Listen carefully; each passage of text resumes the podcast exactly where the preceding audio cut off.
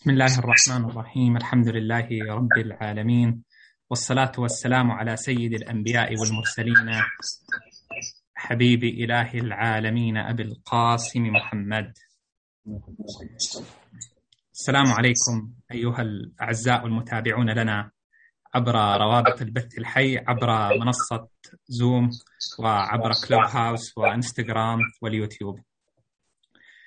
حوارنا هذه الليلة سيكون تحت عنوان الحجاب تقييد للحرية أم تقييد الحجاب تقييد لحرية المرأة أم ضرورة اجتماعية. قال تعالى بسم الله الرحمن الرحيم. يا أيها النبي قل لأزواجك وبناتك ونساء المؤمنين يدنين عليهن من جلابيبهن. ذلك أدنى أن يعرفن فلا يؤذين.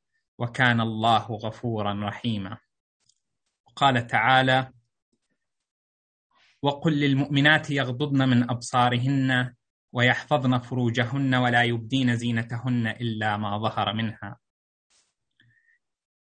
منذ فجر الإسلام وحتى يومنا هذا اقترن الحجاب بالهوية الدينية للمرأة المسلمة حتى أصبح في بعض الأزمنة والأمكنة هو الفيصل بين المرأة المسلمة وغيرها. فلا اختلاف على كونه شعيرة من شعائر الإسلام ورمزا من رموز الإيمان من حيث الأصل ولكن المسلمين اختلفوا في حدوده وكيفيته كما اختلف كما اختلفوا في تحديد دلالات ومداليل النصوص القرآنية إلى حد كبير. حتى قال بعض الباحثين المعاصرين حتى قال بعض الباحثين المعاصرين بأنه لا علاقة بين الحجاب المشهور أو الحجاب الفقهي وبين صورة الحجاب التي تستفاد من الآيات القرآنية. فكيف نفهم الآيات الداعية للحجاب في القرآن؟ وما هو المستفاد على ضوء هذه الآيات الكريمة؟ وما هي حدود هذا اللباس؟ وهل يختلف باختلاف الزمان والمكان أو الأعراف والتقاليد. ومن جهة أخرى يقول بعض الباحثين بأن الحجاب بصورته المعروفة لا ينفصل عن الأعراف والتقاليد في العصور الأولى للإسلام والتي هيمنت على ذهنية الفقهاء وأغلقت عليهم ابوابا لفهم هذه النصوص فهما سليما غير اسير لقيود التقاليد والأعراف. ويقول آخرون بأن الحجاب ليس إلا إحدى نتائج غلبه الطابع الذكوري على المجتمع العربي في تلك العصور الذي كان ينظر أو الذي كان ينظر فيه للمرأة نظرة دونية تصل حد الوأد والازدراء. ويتساءل آخرون لو سلمنا بثبوت الحجاب واتفقنا على هيئته أليس هذا الحجاب؟ أليس في هذا الحجاب تقييد أو تضييق لحرية المرأة؟ أليس في الحجاب تهميش لنصف المجتمع وتقليص لدوره ومساحة حضوره وبالتالي تعطيل لعملية التنمية والبناء؟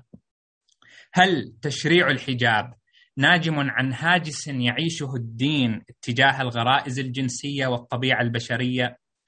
أم أن الباعث وراء هذه الفريضة هو صون عفاف المرأة وحفظها من أعين الرجال ونزواتهم التي لا يختلف على وجودها. حصيف.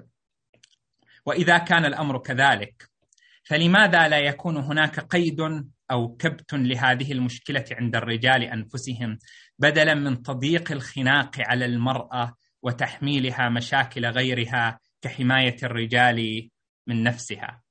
هل يدعو الدين هل يدعو الدين الحنيف من خلال الحجاب إلى طمس هوية المرأة المسلمة وتغييب دورها في ميادين الحياة المختلفة أم أن للدين الإسلامي نظرة وفلسفة أعمق لهذه الفريضة والشعيرة؟ فما هي فلسفة الحجاب في الرؤية الإسلامية القرآنية؟ محاور عديدة نطرحها في حوارنا هذه الليلة مع سماحة العلامة السيد منير الخباز. نتناول فيها مفهوم الحجاب على ضوء الآيات القرآنية والنصوص الإسلامية في محورنا الأول وفي محورنا الثاني سنركز على فلسفة الحجاب في الرؤية الإسلامية والقضايا المتعلقة بهذا الشأن. فبداية نبدأ هذا اللقاء أو هذا الحوار بمقدمه حول مفهوم الحجاب ومداليل النصوص القرآنية حول الحجاب. تفضلوا سماحة السيد. الله الرحمن الرحيم وصلى الله على محمد وآله الطيبين الطاهرين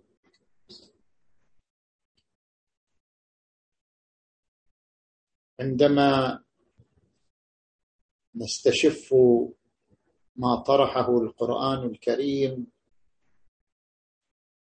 حول فريضة الحجاب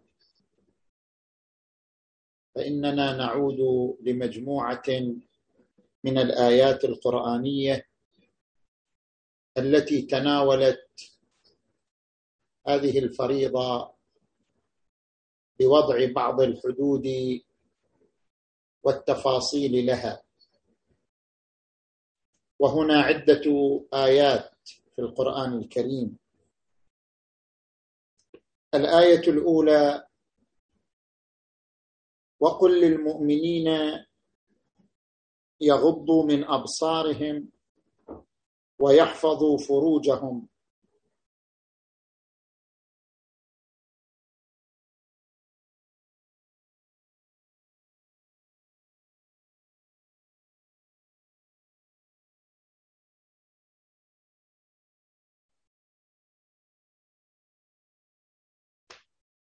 قل للمؤمنين يغضوا من أبصارهم ويحفظوا فروجهم. ذلك أزكى لهم. إن الله خبير بما يصنعون. وقل للمؤمنات يغضضن من أبصارهن ويحفظن فروجهن ولا يبدين زينتهن إلا ما ظهر منها وليضربن بخمرهن على جيوبهن.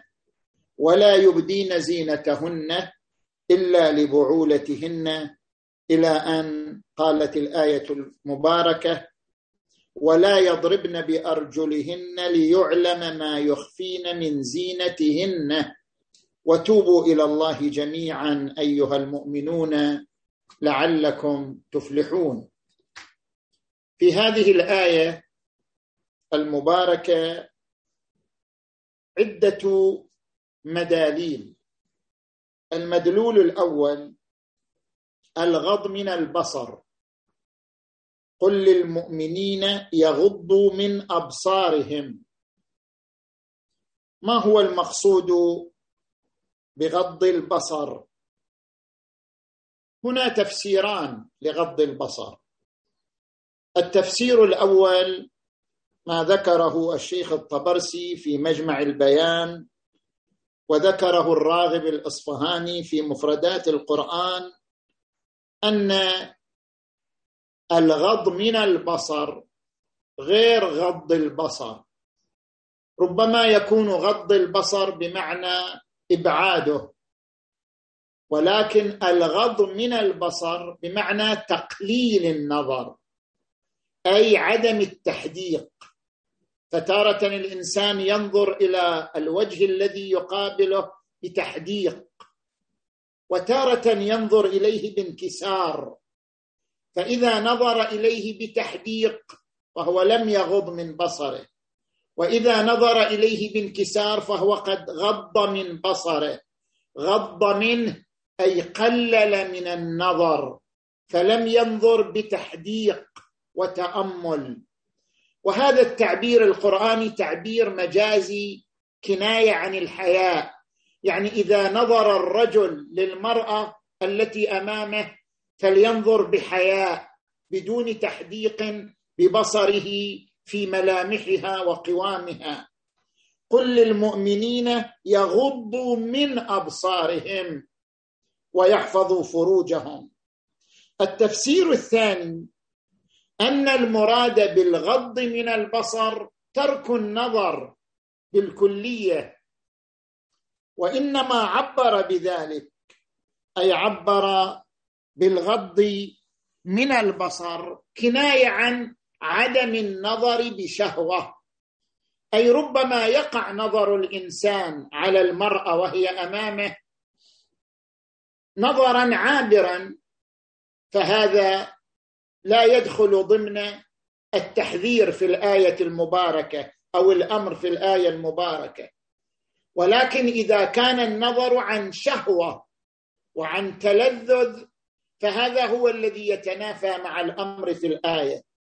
فمعنى قوله وقل للمؤمنين يغضوا من أبصارهم أي لا يكون النظر نظر شهوة وتلذذ كما ورد في الحديث الشريف عن النبي صلى الله عليه وآله أول النظرة لك والثانية عليك والثالثة فيها الهلاك.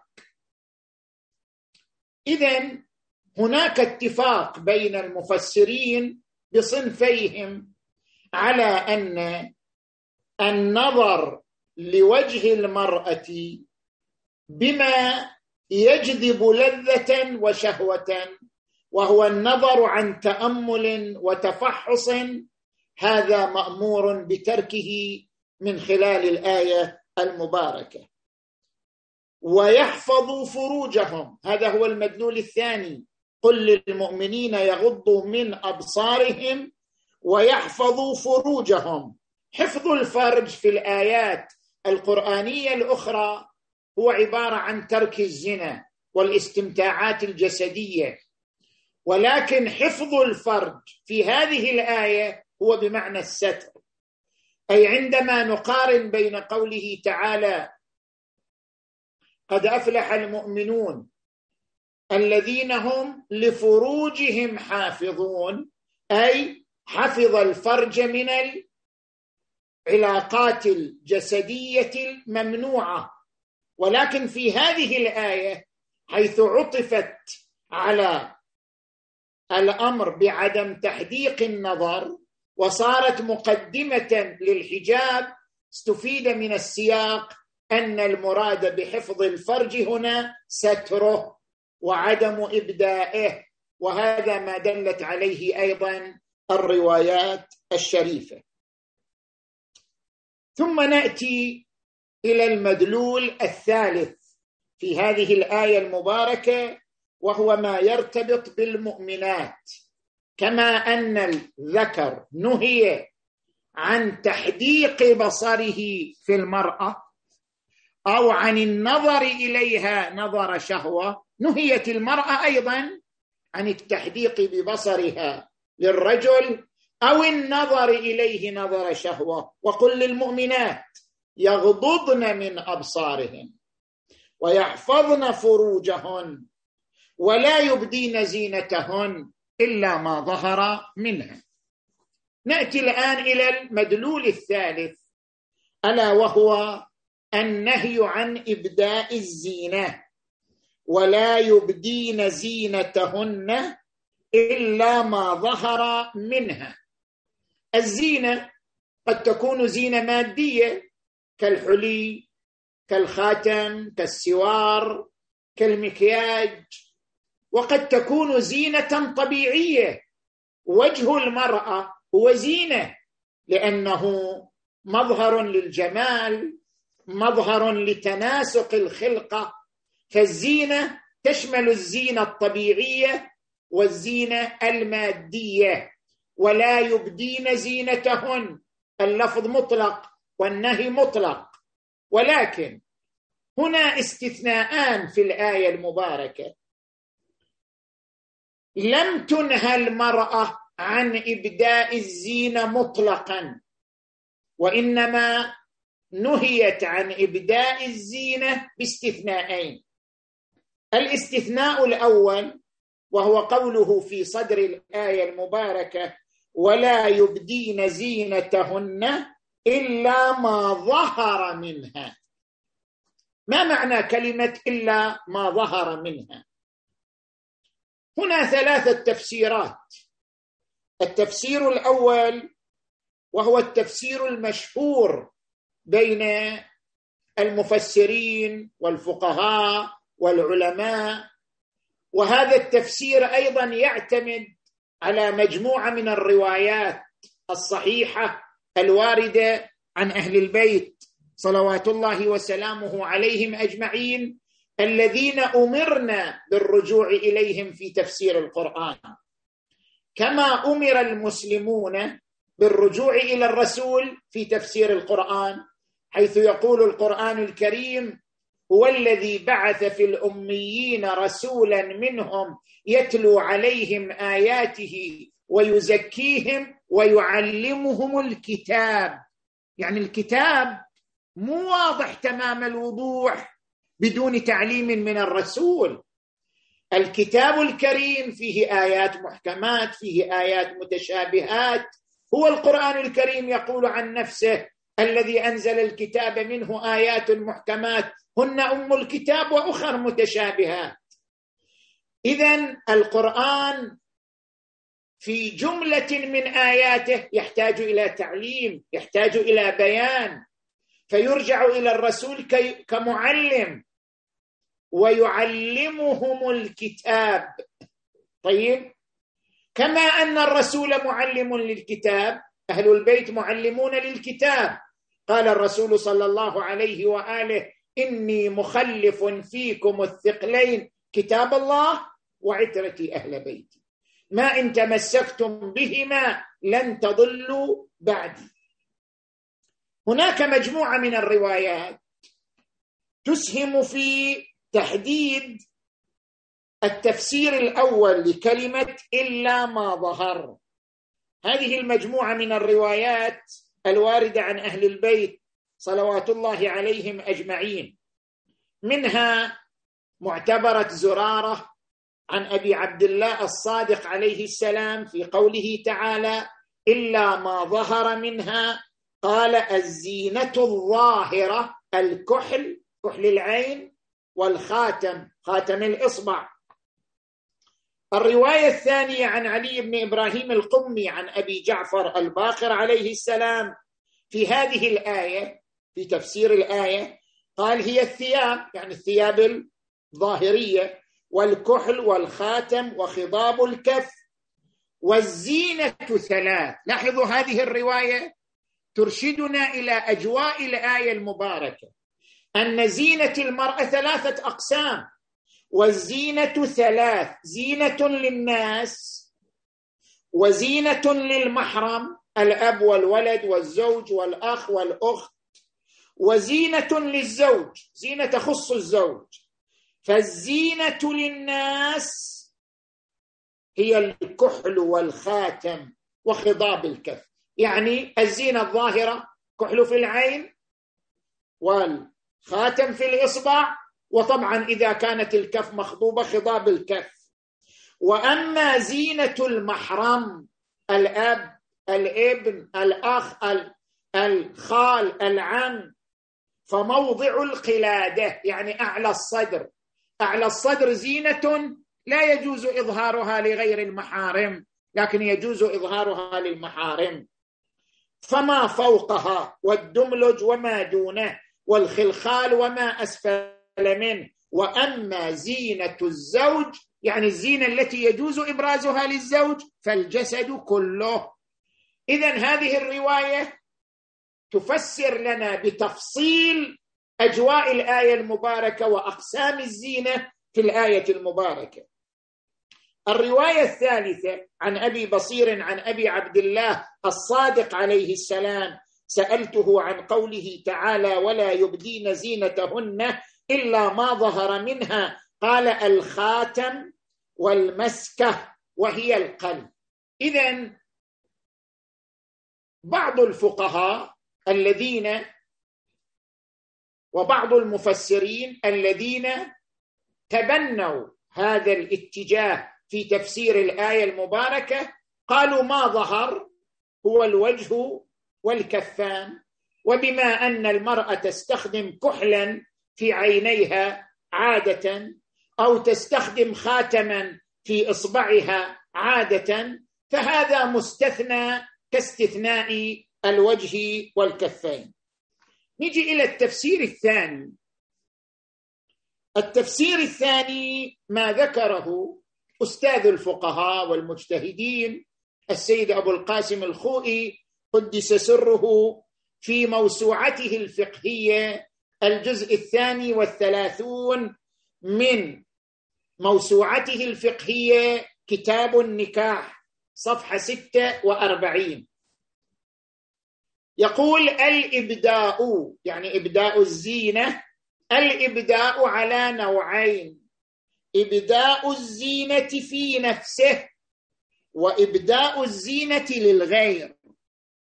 أي تارة المرأة تبدي زينتها في نفسها وتارة تبدي زينتها لغيرها.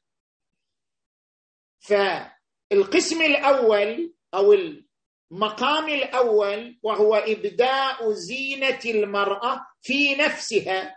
يعني إذا احتملت وجود ناظر طبعا من الطبيعي أن المرأة داخل غرفتها أو داخل الحمام أو داخل المستراح لا يحرم عليها إبداء زينتها. ولكن المرأة إذا احتملت وجود ناظر ككثير من النساء تخرج خارج تخرج إلى ساحة منزلها لنشر ثياب أو تخرج لساحه منزلها لرؤية حديقة المنزل أو أن هذه المرأة مثلا تخرج خارج البيت في ساحة منزلها لتنظيف المنزل. هنا تحتمل وجود ناظر من الفوق من الأعلى مار بالمكان. إذا احتملت وجود الناظر هنا يجوز لها إبداء الوجه والكفين. يعني الروايات التي دلت يقول السيد الخوئي على جواز إبداء الوجه والكفين هي خاصة بفرض احتمال وجود ناظر. مو أنه يجوز مطلقا لا يجوز في هذا الفرض. في فرض احتمال وجود ناظر هنا يجوز ابداء الوجه والكفين وهما المستثنيان في الآية. أما القسم الثاني وهو الإبداء للغير يعني إذا قطعت بوجود ناظر كما إذا خرجت إلى الشارع فهي تطمئن بوجود ناظر أو إلى السوق أو إلى المستشفى أو إلى العمل أو إلى أي أو إلى الدراسة تطمئن بوجود ناظر. هنا لا. هنا لا يجوز لها إبداء الزينة مطلقا إلا للمحارم التي ذكرتها وتعرضت لها الآية المباركة. لذلك السيد الخوئي بحسب استدلاله الفقهي ذهب إلى حرمة إبداء الوجه والكفين إذا اطمأنت المرأة بوجود ناظر وإن كان بحسب مقام الفتوى احتاط وجوبا. التفسير الثالث أن المراد بما ظهر يعني ما ظهر قهرا على المراه يعني صدر الآية يتحدث عن قضية عفوية تبتلي بها المرأة أنها إذا خرجت إلى الشارع ربما يمر هواء فيظهر بعض زينتها فيقول لها ما يظهر قهرا عليها ما يظهر بفعل الهواء أو الرياح هذا لا تحاسب عليه. ولا يبدين زينتهن إلا ما ظهر يعني إلا ما أظهره الهواء أو الريح وإلا فليس لها أن تبدي زينتها مطلقا إلا للمحارم. هذه تفسيرات ثلاثة. بالنتيجة مشهور الفقهاء على التفسير الأول ومشهور المفسرين على التفسير الأول الذي تعرضنا له في شرح الآية المباركة وطبعا الفتاة هي تعود وترجع إلى المقلد الأعلم الذي آه، ترجع إليه وهو الأعرف بتنقيح الفتوى والحكم الشرعي بالنسبة إليها. نأتي إلى الاستثناء الثاني. ولا يبدين زينتهن إلا لبعولتهن. عفوا. ولا يبدين زينتهن إلا لبعولتهن أو آبائهن أو آباء بعولتهن أو أبنائهن. يعني قام يعدد المحارم إلى أن وصل إلى أو التابعين غير أولي الإربة من الرجال.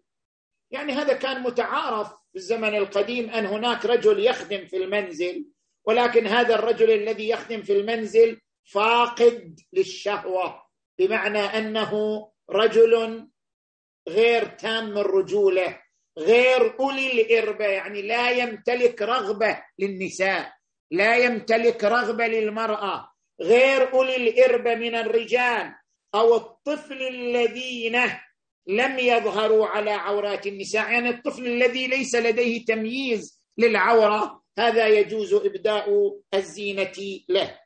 زين. نجي إلى المدلول الرابع في الآية المباركة. قالت ولا يبدين زينتهن إلا ما ظهر منها وليضربن بخمرهن على جيوبهن. يعني مضافا إلى أنه ليس لها إبداء زينتها.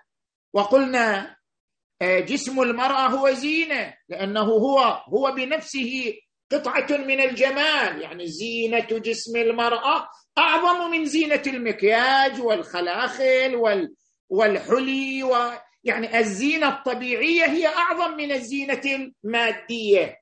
مع ذلك القرآن يرجع ويؤكد ولا يبدين زينتهن إلا ما ظهر منها. وليضربن بخمرهن على جيوبهن. عندما نرجع إلى كتب اللغة وكتب التفسير يقولون الخمار هو غطاء تضعه النساء على الرأس. وهذا متعارف من قبل الإسلام أن المرأة تضع خمارا على رأسها. لكن كانت النساء تعقف الخمار. شلون تعقف الخمار؟ يعني تجمع الخمار هكذا وتربطه من وراء رأسها.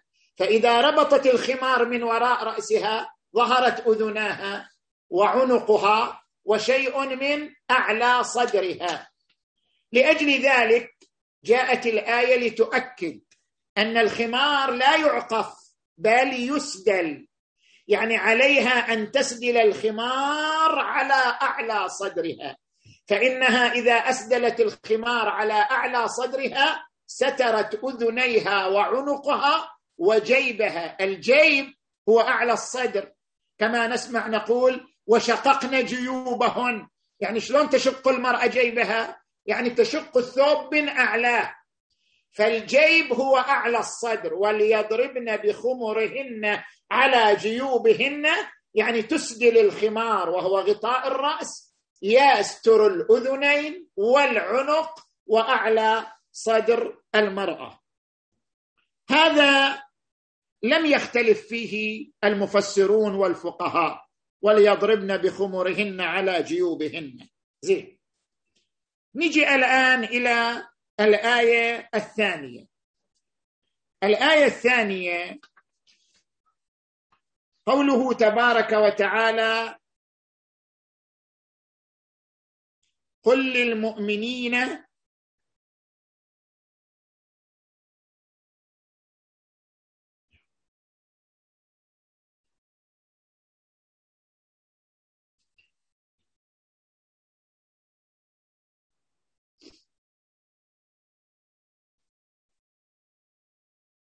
يا أيها النبي قل لأزواجك وبناتك ونساء المؤمنين.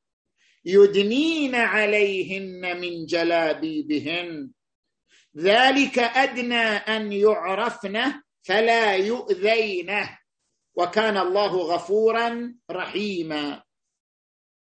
ما معنى الجلباب وما معنى إدناء الجلباب؟ طبعا هنا اختلف اللغويون في معنى الجلباب. في المنجد يقول الثوب الواسع. يعني كانت النساء يلبسوا ثوب واسع فضفاض يستر من الكتف إلى القدمين وهذا الثوب الواسع مضافا إلى غطاء الرأس. وفي المفردات مفردات القرآن للراغب الإصفهاني أن الجلباب هو القميص القميص الكبير الذي تلبسه المرأة. وفي لسان العرب هو الخمار الذي يغطي الرأس. إذا خرجت المرأة من المنزل. هذا كتفسيرات لغوية. لكن إذا نرجع إلى سياق الآية سياق الآية يتحدث عن شيء مو قميص ولا ثوب. لأنه يقول يدنين يدنين يعني شيء تقدر أنت تقدمه وتقدر تأخره. يدنين عليهن من جلابيبهن. الثوب هو هو واقف على البدن بعد ما في إدناء وعدم إدناء. وكذلك القميص. الآية جاي تتحدث عن شيء يقبل الإدناء من الجسم ويقبل الإبعاد منه. إذا هو ليس القميص وليس الثوب وليس الخمار لأن الخمار تعرضت له الآيات الأخرى. وليضربن بخمرهن على جيوبهن. إذا ما معنى يدنين عليهن من جلابيبهن الجلباب الرداء. رداء تلبسه المرأة مع الخمار. في خمار على الرأس كان وتلبس رداء يغطي بدنها. هذا الرداء الذي تلبسه المرأة يعبر عنه بالجلباب. وهذا هو الذي ورد في الروايات عن أهل البيت. ورد تفسير الجلباب عن أهل البيت بأنه الرداء أو الكساء مثل العباءه الآن في بعض المجتمعات مثل المجتمعات الخليجية تلبس المرأة عباءة المرأة العراقية الإيرانية تلبس عباءة. وهذا الجلباب بمعنى الرداء والكساء الذي تلبسه المرأة. طيب هذا الجلباب والكساء إذا المرأة تمشي بحريتها يجي الهواء. يبعد الجلباب عن جسدها فتظهر بعض مفاتنها فيظهر بعض قوامها. فأمرت المرأة بأن تدني عليها الجلباب. تدني عليها يعني تقربه من وجهها وجسمها. قل لي قل لي أزواجك وبناتك ونساء المؤمنين يدنين عليهن من جلابيبهن.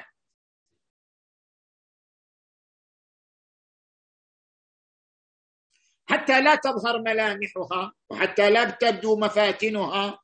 ولذلك قال شوفوا لاحظوا مما يؤيد أن هذا المعنى هو المطابق لسياق الآية التعليل.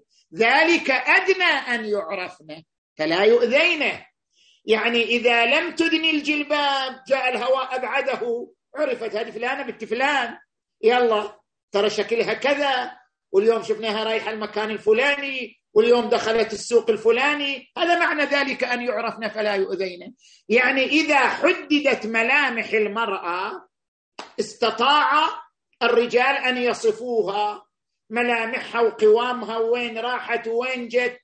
حتى لا تبدو هذه الملامح ذلك أدنى يعني أدنى عمل تمنع المرأة به معرفتها حتى لا يتحدث عنها بسوء حتى لا تلاحق حتى لا يتحرش بها أحد.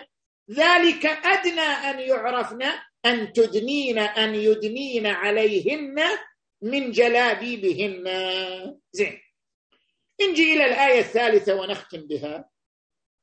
وهي الآية الخاصة بنساء النبي. يا نساء النبي لستن كأحد من النساء إن اتقيتن. فلا تخضعن بالقول. فيطمع الذي في قلبه مرض. وقلنا قولا معروفا يعني المرأة لم تؤمر بديكور مجرد أنها تستر بدنها كأي ديكور. لا. المقصود بالحجاب المقصود بالحجاب معاني سامية مضامين سامية. مما يدل على أن المقصود بالحجاب مضامين روحية ومضامين خلقية سامية وليس مجرد شكل وليس مجرد ديكور.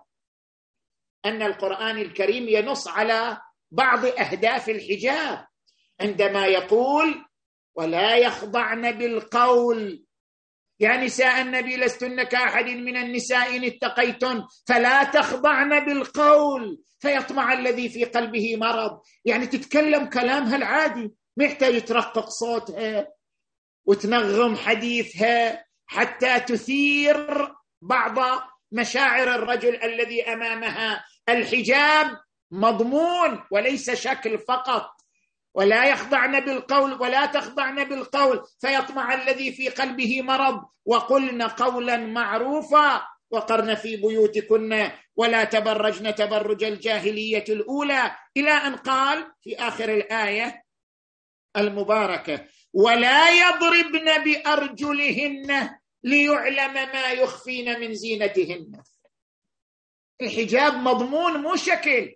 تلبس تستر بدنها لكن تمشي في الشارع تثير نظر الآخرين إليها. ولا يضربن بأرجلهن ليعلم ما يخفين من زينتهن.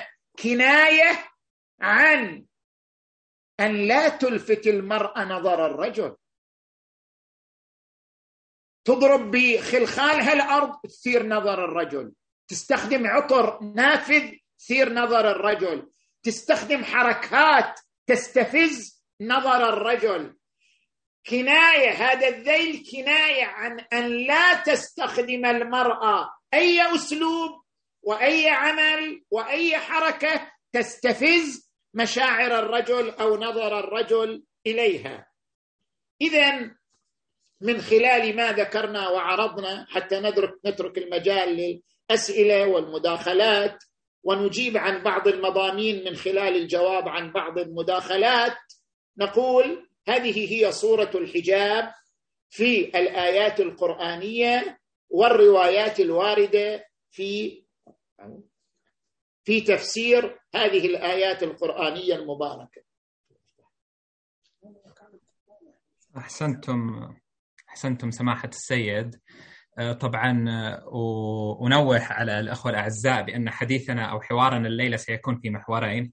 المحور الأول هو ما بدأنا فيه حول مفهوم الحجاب على ضوء الآيات القرآنية والنصوص الإسلامية والروايات عن أئمة أهل البيت عليهم السلام. والمحور الثاني الذي سنبدأه لاحقا سيكون عن فلسفة وأهداف الحجاب في الرؤية الإسلامية. فبالنسبة إلى المداخلات والمشاركات التي سنأخذها عبر المنصات المختلفة حبذا لو تكون في محورنا الأول وهو الحجاب ومفهومه على ضوء الآيات القرآنية وروايات المعصومين عليهم السلام وأن ترجع الأسئلة اللاحق التي تتعلق بفلسفة الحجاب وأهدافه ومقاصده للمحور الثاني. آه، سنأخذ المداخلات عبر المنصات المختلفة اليوتيوب والزوم وكلوب هاوس. آه، سنبدأ الآن آه، لدينا مشاركة في منصة كلب هاوس عدة طلبات مشاركة. آه، توجد يوجد طلب مشاركة من الأخ الحاج ناصر فليتفضل.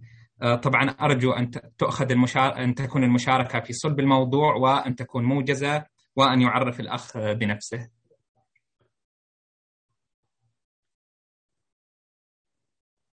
الأخ الأخ الحاج ناصر.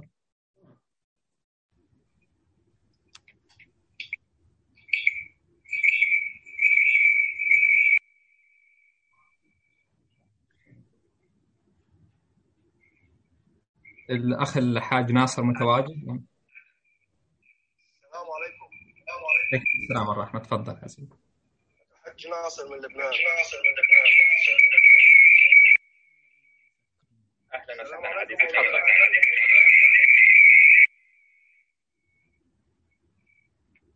مولانا في بالنسبة للحجاب اللي عم نشوف بكون الاخوات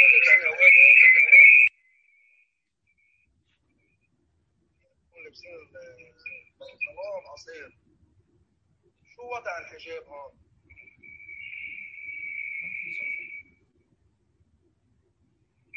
أخي أياد كنت سامعني؟ إيه تفضل تفضل آه نعم وصلت السؤال تفضل سماحة السيد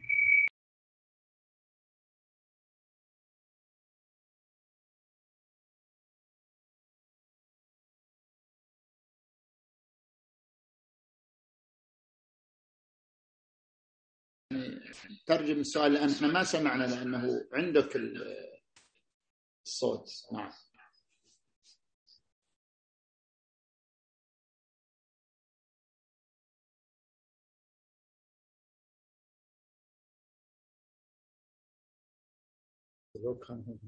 يا الصوت ميوت. السلام عليكم.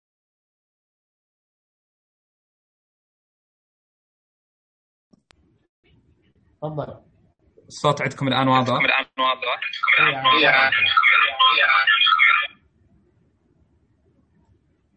اي الأخ الحاج ناصر إذا ممكن تعيد السؤال.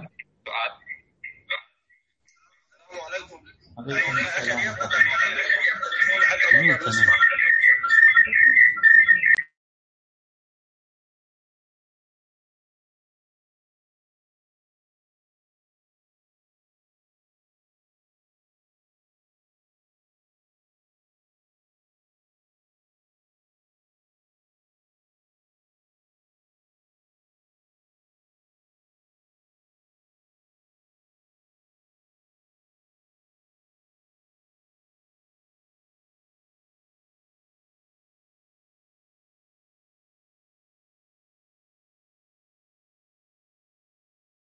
آه، يظهر كل ما يظهر مفاتن البدن كل ما يظهر مفاتن الجسد أو يجسم جسد المرأة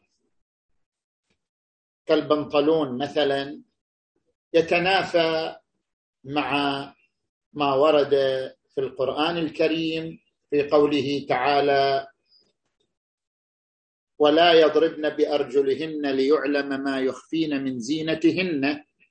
قلنا المقصود بهذه الفقرة الكناية عن أن لا تقوم المرأة بأي أسلوب يثير نظر الآخر أو يلفت نظر الآخر إليها.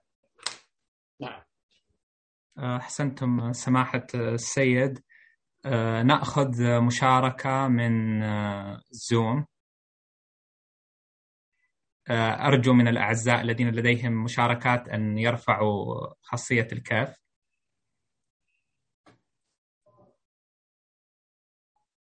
وإذا ممكن نبدأ بالدكتور جواد. نبدأ بالدكتور جواد من سلطنة عمان فليتفضل.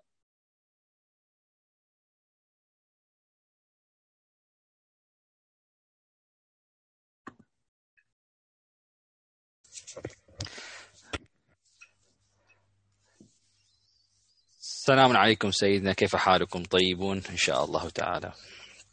آه سيدنا هي مج... هي المداخلة نوعا ما بها مجموعة من الملاحظات أثناء طرحكم للموضوع.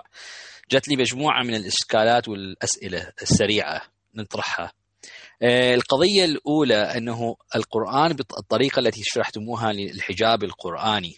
هل هي تختلف في تصورها عن الحجاب الإسلامي؟ يعني هو هذا النقاش المطروح حاليا أنه هذا التصور القرآني مختلف عن التصور المطروح شرعيا آه، في الخارج من أنه لابد للمرأة ان مثلا في بعض عند بعض فقهاء أن تستر وجهها مثلا بالكامل أن تستر جسم, جسم جسدها بالكامل ما يبقى منها ما يظهر منها أي شيء.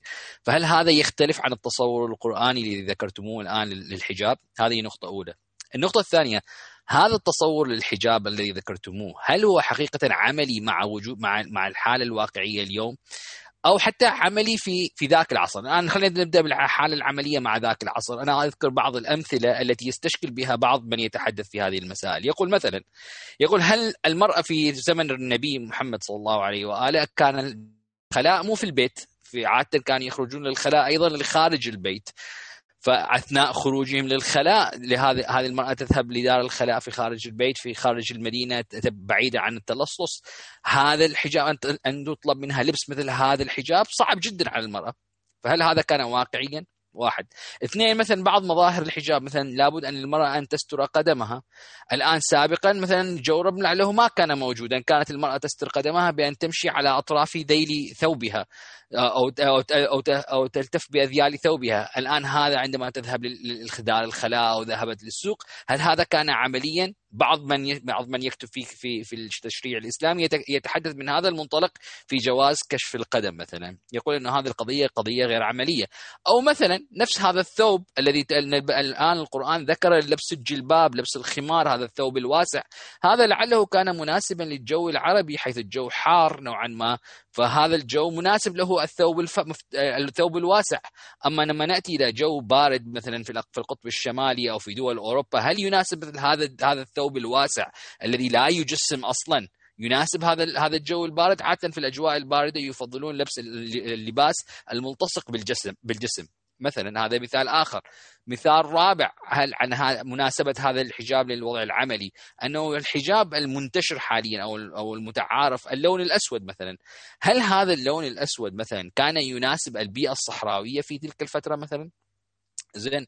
فهذه مجموعة وخاصة إنه أيضا لاحظ السيد الخوي عنده يكره لبس, لبس الأسود في الصلاة مثلا. فبعض النساء مثلا لباس الصلاة صار عندهم كليا مختلف عن لباس مثلا خارج البيت مع إنه هو ظاهرة إنه هناك ارتباط ما بين لباس الصلاة ولباس الحجاب الذي تنطلق به المرأة خارج البيت. آه، فهذه بعض من الإشكالات التي تنطرح.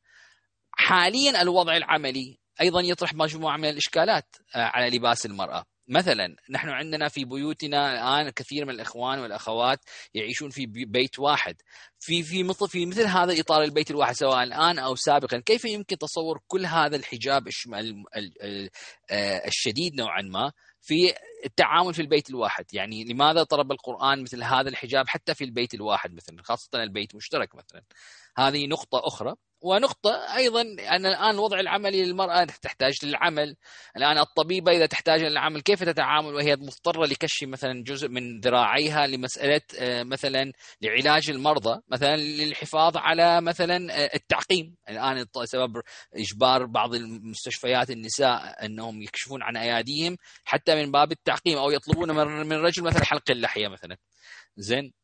حتى من من باب التعقيم مثلا. فهذه قضية تطرح في عمل المرأة وارتباطه بالحجاب. الآن لا نذكر كثير من الأمثلة حتى نترك للاخرين المجال ويبقى سؤال أخير. أنا أرجع فيه إلى نقطة أول ما ذكرتموه سيدنا حول الحجاب.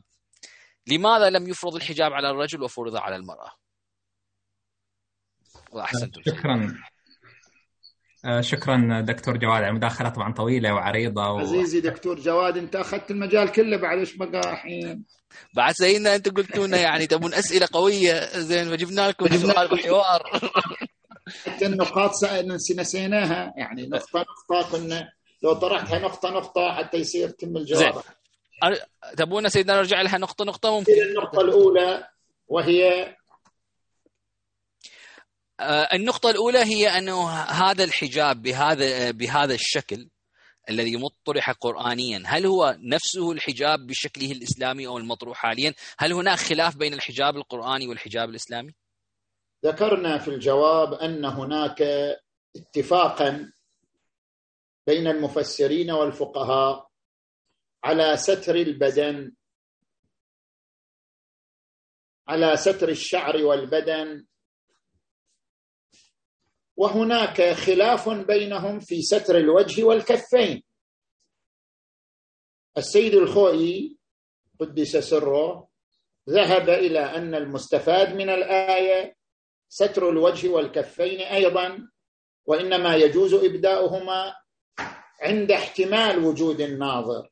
وأما مع الاطمئنان بوجود الناظر فلا. هذا تفسيره فهناك حجاب متفق عليه وهو ستر الرأس والشعر والبدن ما سوى الوجه والكفين. هذا أمر متفق عليه وهو الظاهر من الآية والمفسرون وعلماء اللغة. ونحن كعرب يعني نحن كعرب عندما نقرأ هذه الآية المباركة نفهم منها هذا الذي فهمه المشهور والمعروف بين الفقهاء. نعم. نجي إلى النقطة الثانية. السؤال التالي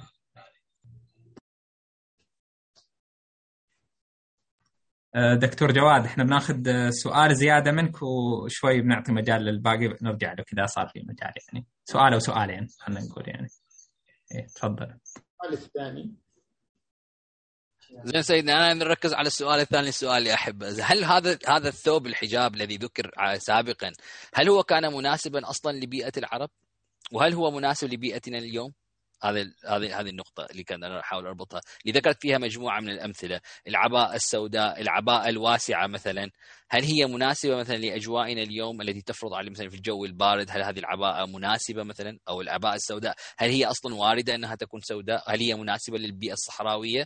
والنقطة اللي مرتبطة في هذه القضية أنه مثلا هل هذا اللباس الذي ذكر للحجاب قرآنيا، هل كان هذا ثوب أو أو أسلوب من الحياة يناسب المرأة في ذلك الوقت أصلا. مثلا اضطرارها للخروج للسوق أو خروجها لقضاء حاجتها مثلا في دار الخلاء أو كذا.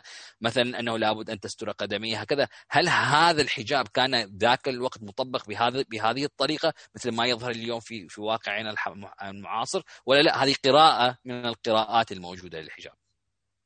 فهنا نقطتان. يعني النقطة الأولى هل أن الحجاب مرتبط بلون معين ومرتبط بحجم معين كون واسع كون غير واسع. هذه الأمور بحسب تباني المجتمعات عليها.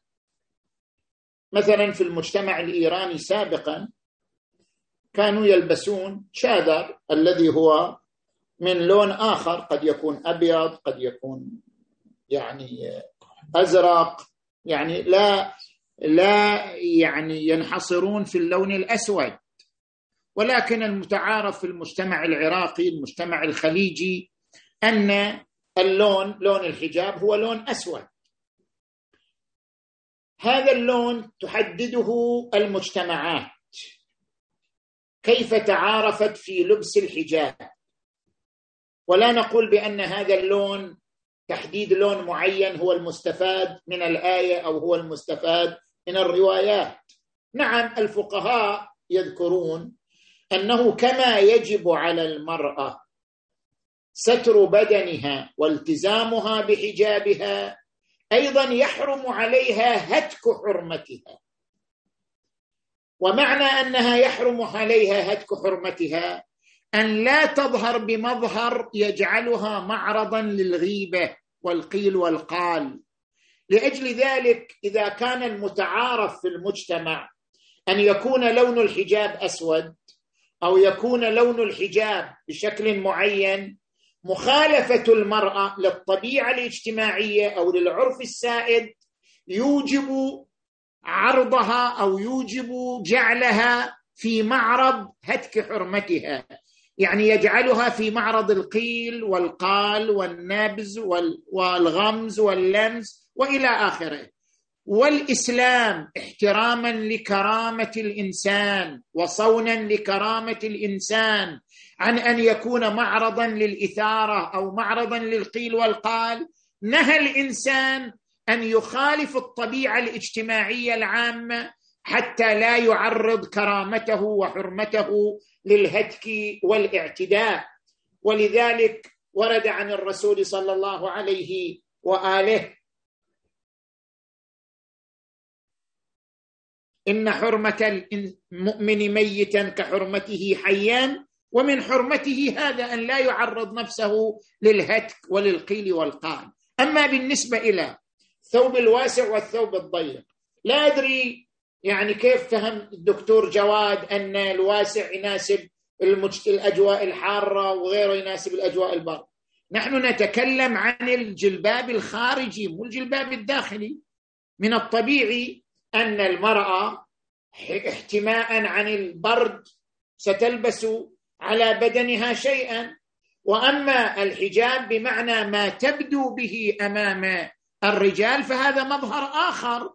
قد تكون الجو بارد ولكنها إذا خرجت إلى الخارج ستلبس جلبابا يستر بدنها. يعني وجود الجلباب الواسع الذي يستر البدن شيء ما إلى ربط بالأجواء تكون حارة أو تكون باردة. هي بالنتيجة المرأة ستحمي بدنها من البرد أو الحر بغض النظر عما تلبسه إذا خرجت من منزلها. نعم. نعم سيدنا بس النقطة الثانية النقطة الثانية التي ذكرها الأخ الدكتور جواد حول هل هذا اللباس كان عمليا للمرأة في خروجها إلى الخلاء مثلا حيث كانت تقطع مسافة خارج المدينة؟ تفضل سيدي باختصار أساس ناخذ أكثر مداخلات. لم لم يذكر المؤرخون أن أن الخلاء خارج المدينة. وين خلاء خارج المدينة؟ الخلاء عند البيوت. بعد شلون خارج المدينة يعني؟ لم نسمع بهذا يعني. لم يذكر هذا مؤرخ أن بيت الخلاء يكون خارج المدينة. يعني أكو واحد أكو واحد مزوبق يريد يدخل الحمام يروح خارج المدينة حتى يدخل الحمام. من يقول هذا يعني؟ بالنتيجة بيت الخلاء هو من جملة أجزاء المنزل. بيت الخلاء من جملة أجزاء المنزل. كل منزل من أجزائه بيت الخلاء.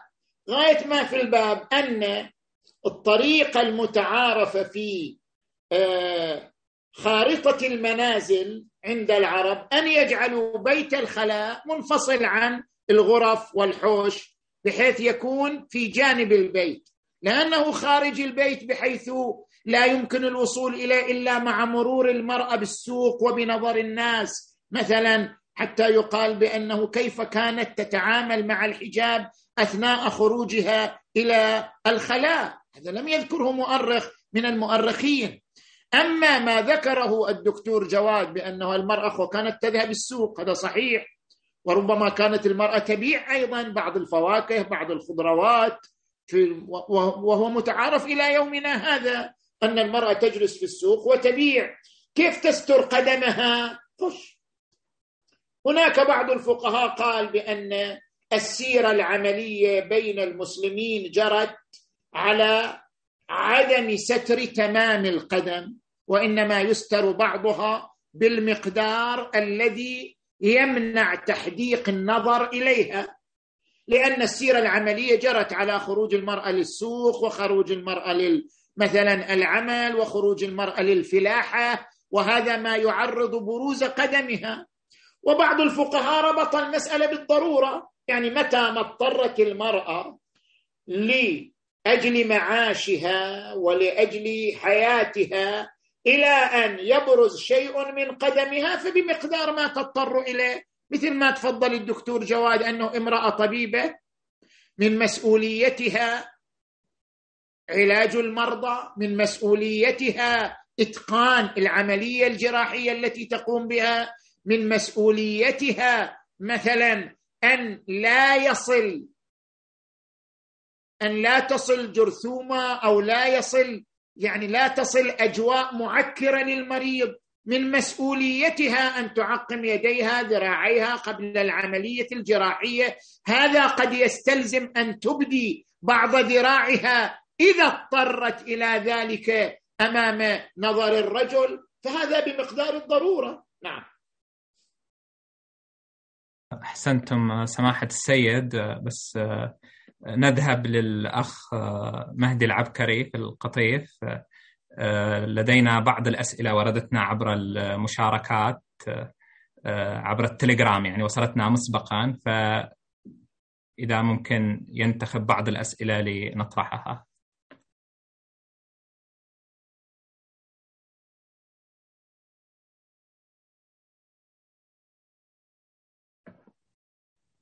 الأخ مهدي.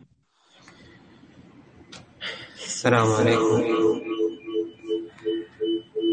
سيدنا العزيز وردتنا أسئلة كتبية كثيرة من طريق التليجرام والإنستغرام نبدأ بسؤال إحدى الأخوات في الإنستغرام.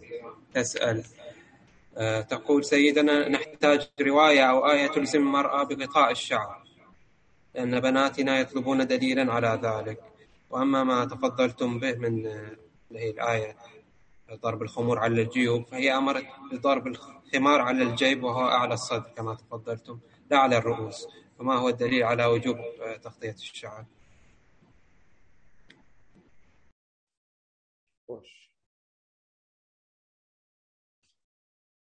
عندما يقال بأن على الإنسان أن يزرر قميصه فإذا قيل على الإنسان أن يزرر قميصه يعني أن يغلق أزرار قميصه معنى أنه لازم يلبس قميص. شلون يزرر قميصه؟ وهو مو لابس قميص. فلو قال شخص ما هو الدليل على أن يستر كفيه؟ طيب كيف يلبس القميص بدون ستر الكفين؟ بدون ستر الكتفين عفوا. الآية تقول وليضربن بخمرهن يعني عليهن أن يلبسن الخمار وأن يضربن هذا الخمار على الجيوب. والخمار لغتان وبحسب العرف العربي وإحنا عرب الخمار هو ما يجعل على الشعر والرأس. خمار ما يخلوا على الرقبة ما يقولوا هذا خمار. تخمرت يعني شنو تخمرت المرأة؟ يعني سترت رأسها. فعندما يقول القرآن وليضربن أمر وليضربن بخمرهن على جيوبهن هذا الأمر ماذا يعني؟ يعني مضمونين، المضمون الأول ليستعملن الخمار والمضمون الثاني ليكون هذا الخمار المستعمل واصلا إلى منطقة الجيب. الخمار ما يستر الرأس والشعر. وإلا لا يسمى خمارا عند عند العرب. في اللغة العربية ما يسموه خمار. الخمار ما يستر الشعر والرأس. فالقرآن أمر باستخدام الخمار وأمر بأن يكون الخمار على الجيب يعني يستر الأذنين والعنق وأعلى الصدر. هذا هو الدليل على ذلك. أنتم سماحة السيد. طبعا أؤكد على الأعزاء المتابعين أن المشاركات التفاعل كبير مع آه، هذه هذه الحوارية. فنحن عازمون على أن تكون الحلقة القادمة في الأسبوع القادم هي استكمال آه، في نفس الموضوع يعني. آه، نأخذ مشاركة من الدكتور وائل الخطيب. فليتفضل باختصار يعني. تفضلوا دكتور. السلام عليكم سماحة السيد والإخوة الكرام. قدر الله أعمالكم ووفقكم لكل خير. سماحة السيد سؤالي قصير بالحقيقة. آه، النساء في الغرب يسألون بعض الأحيان أن ارتداء الحجاب في بلدان الحجاب غير متعارف عليه آه، وخروجهم بارتدائهم الحجاب ممكن أن يلفت النظر إليهم أكثر مما هم يكونون بدون حجاب. آه، فكيف يعني يعالجون هذا الأمر؟ وشكرا أحسنتم أحسنتم. الأخ العزيز الدكتور وائل حفظكم الله ورعاكم. الحالة الإسلامية اليوم هي حالة إسلامية عامة. لا يوجد اليوم مجتمع غربي أو شرقي لا يضم جاليات إسلامية. بعض الأصدقاء حكى لي قال في عدة مناطق من الصين وروسيا رأى جاليات إسلامية واضحة. الجاليات الإسلامية في أوروبا في أمريكا في الصين في روسيا جاليات إسلامية معروفة. لذلك بما أن الجاليات الإسلامية فرضت وجودها في هذه المناطق ليس هناك عذر أن المرأة تقول إذا خرجت بالحجاب سألفت النظر. طيب الجالية الإسلامية معروفة. من المعروف والمعلوم في جميع مناطق أوروبا وأمريكا والبرازيل والأرجنتين ويعني حسب نحن نتتبع التقارير وتصلنا تقارير نسب كبيرة من المسلمين في هذه المجتمعات. حتى الصين حتى روسيا بما أن هذه المجتمعات تحفل بجاليات إسلامية بأعداد كبيرة. اذا بالنتيجة من المعروف أن الإسلام من فرائضه الحجاب وأن الحجاب رمز للجالية الإسلامية. فإذا خرجت لن يحدث شيء أكثر من أنها ستعرف أنها مسلمة ولذلك التزمت بالفريضة الإسلامية. نعم. لا يلزمها الإسلام بأن تلبس الحجاب الذي تلبسه في الشرق الأوسط أو تلبسه في العراق أو تلبسه في السعودية أو تلبسه. قلنا المجتمعات تختلف باختلاف صيغة الحجاب باختلاف شكل الحجاب. كل مجتمع له شكل من الحجاب. المهم أن يكون حجاب يستر الرأس والشعر والبدن. هذا يختلف أشكاله وصياغاته من مجتمع إلى آخر.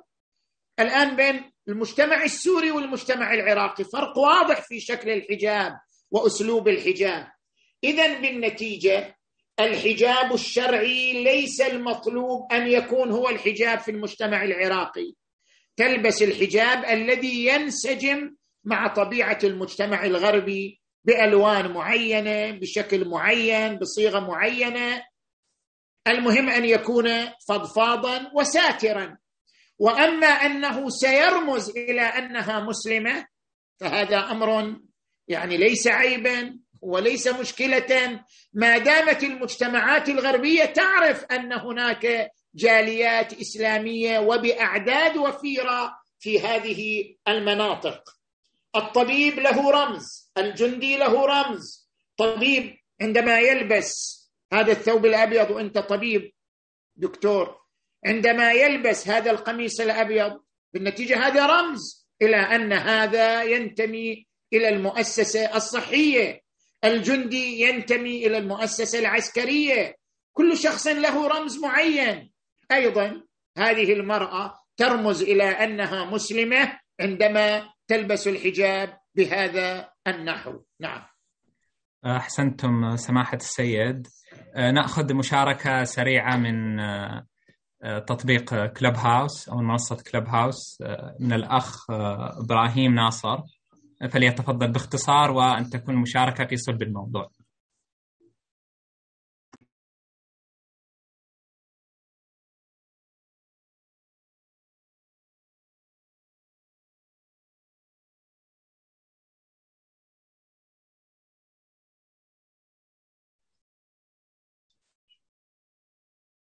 الأخ إبراهيم ناصر.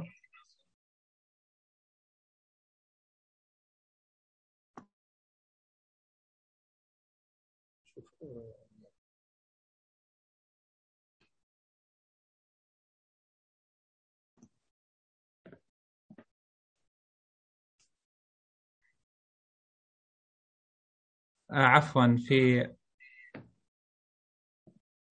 في هذه الأثناء نأخذ مشاركة من الأسئلة التي وردتنا مسبقا. فننتقل للأخ مهدي العبكري في القطيف فليتفضل.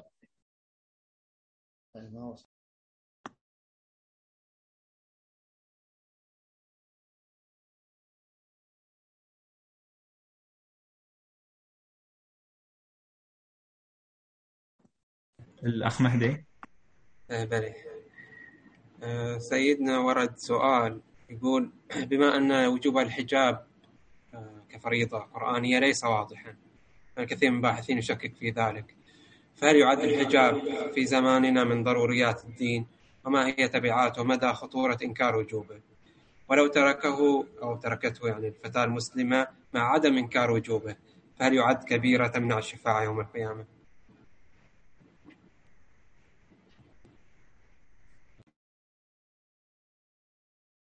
لم نجد ونحن من العرب الذين درسوا اللغة ودرسوا العلوم الأدبية. لم نجد فرقا بين آية الحجاب وغيرها من الآيات. كما أن غيرها من الآيات واضح الدلالة واضح الدلالة. على معناه كما أن قوله تعالى أقم الصلاة لدلوك الشمس إلى غسق الليل واضح المعنى؟ كما أن قوله تعالى كتب عليكم الصيام كما كتب على الذين من قبلكم واضح المعنى؟ كما أن قوله تعالى فمن شهد شهر رمضان الذي أنزل فيه القرآن هدى للناس وبينات من الهدى والفرقان فمن شهد منكم الشهر فليصم. واضح المعنى. كذلك قوله تعالى ولا يبدين زينتهن إلا ما ظهر منها واضح المعنى. يبقى ما ظهر عند احتمال وجود الناظر أو عند الاطمئنان. هذا اختلاف في بعض القيود البسيطة. وإلا دلالة الآية على أن الفريضة أن تستر المرأة رأسها وبدنها هذا واضح المعنى يعني لا يتردد فيه عربي. إلا أن يكون يبدي تشكيكات لا تعتمد على مناشئ لغوية. عندما يبدي الباحث تشكيكات لا تستند إلى مناشئ لغوية لا تستند إلى مناشئ مبرهن عليها تاريخية. حينئذ لا يمكن الاعتماد عليه. اللفظ العربي في القرآن واضح الدلالة. على فريضة الحجاب. وبالتالي القرآن دستورنا كتابنا المتواتر نص عليها فهي من ضروريات الدين. من أنكرها أنكر ضرورة من ضروريات الدين. ومن لم تعمل بالحجاب مع دلالة القرآن على من الطبيعي أنها ارتكبت اثما ارتكبت كسائر الآثام والكبائر التي ترتكبها عند مخالفة نص قرآني ورد. نعم. أحسنتم سماحة السيد. آه، عفوا. آه، ننتقل إلى المحور الثاني. آه، ونرجئ الأسئلة في المحورين. ما يعني نأخذ أسئلة بحسب ما أمكننا في المحور الثاني ونرجع باقي الأسئلة إلى الحلقة القادمة إن شاء الله التي ستكون استكمالا لهذه الحلقة.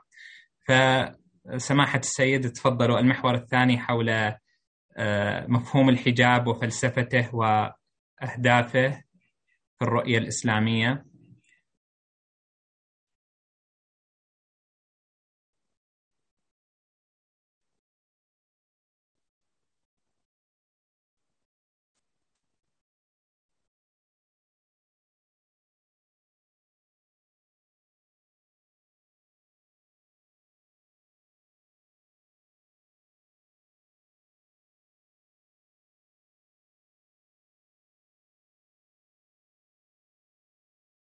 الرحمن الرحيم. وصلى الله على محمد وآله الطيبين الطاهرين. عندما نتحدث عن فلسفة الحجاب فنحن نتحدث عن الأهداف السامية التي نظر إليها الإسلام في تشريعه لفريضة الحجاب.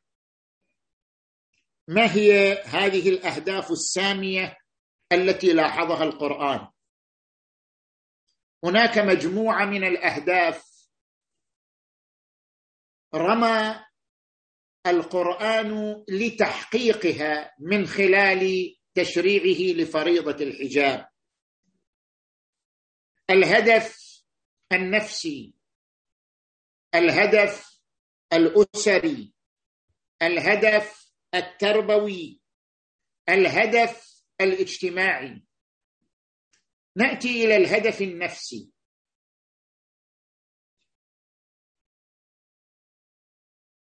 العلاقة الطبيعية التي جبل عليها الرجل والمرأة هي علاقة الحب وليست علاقة الجنس. علاقة الجنس علاقة ثانوية وعلاقة الحب هي علاقة أولية. جبل الرجل والمرأة على أن تكون بينهما علاقة الحب.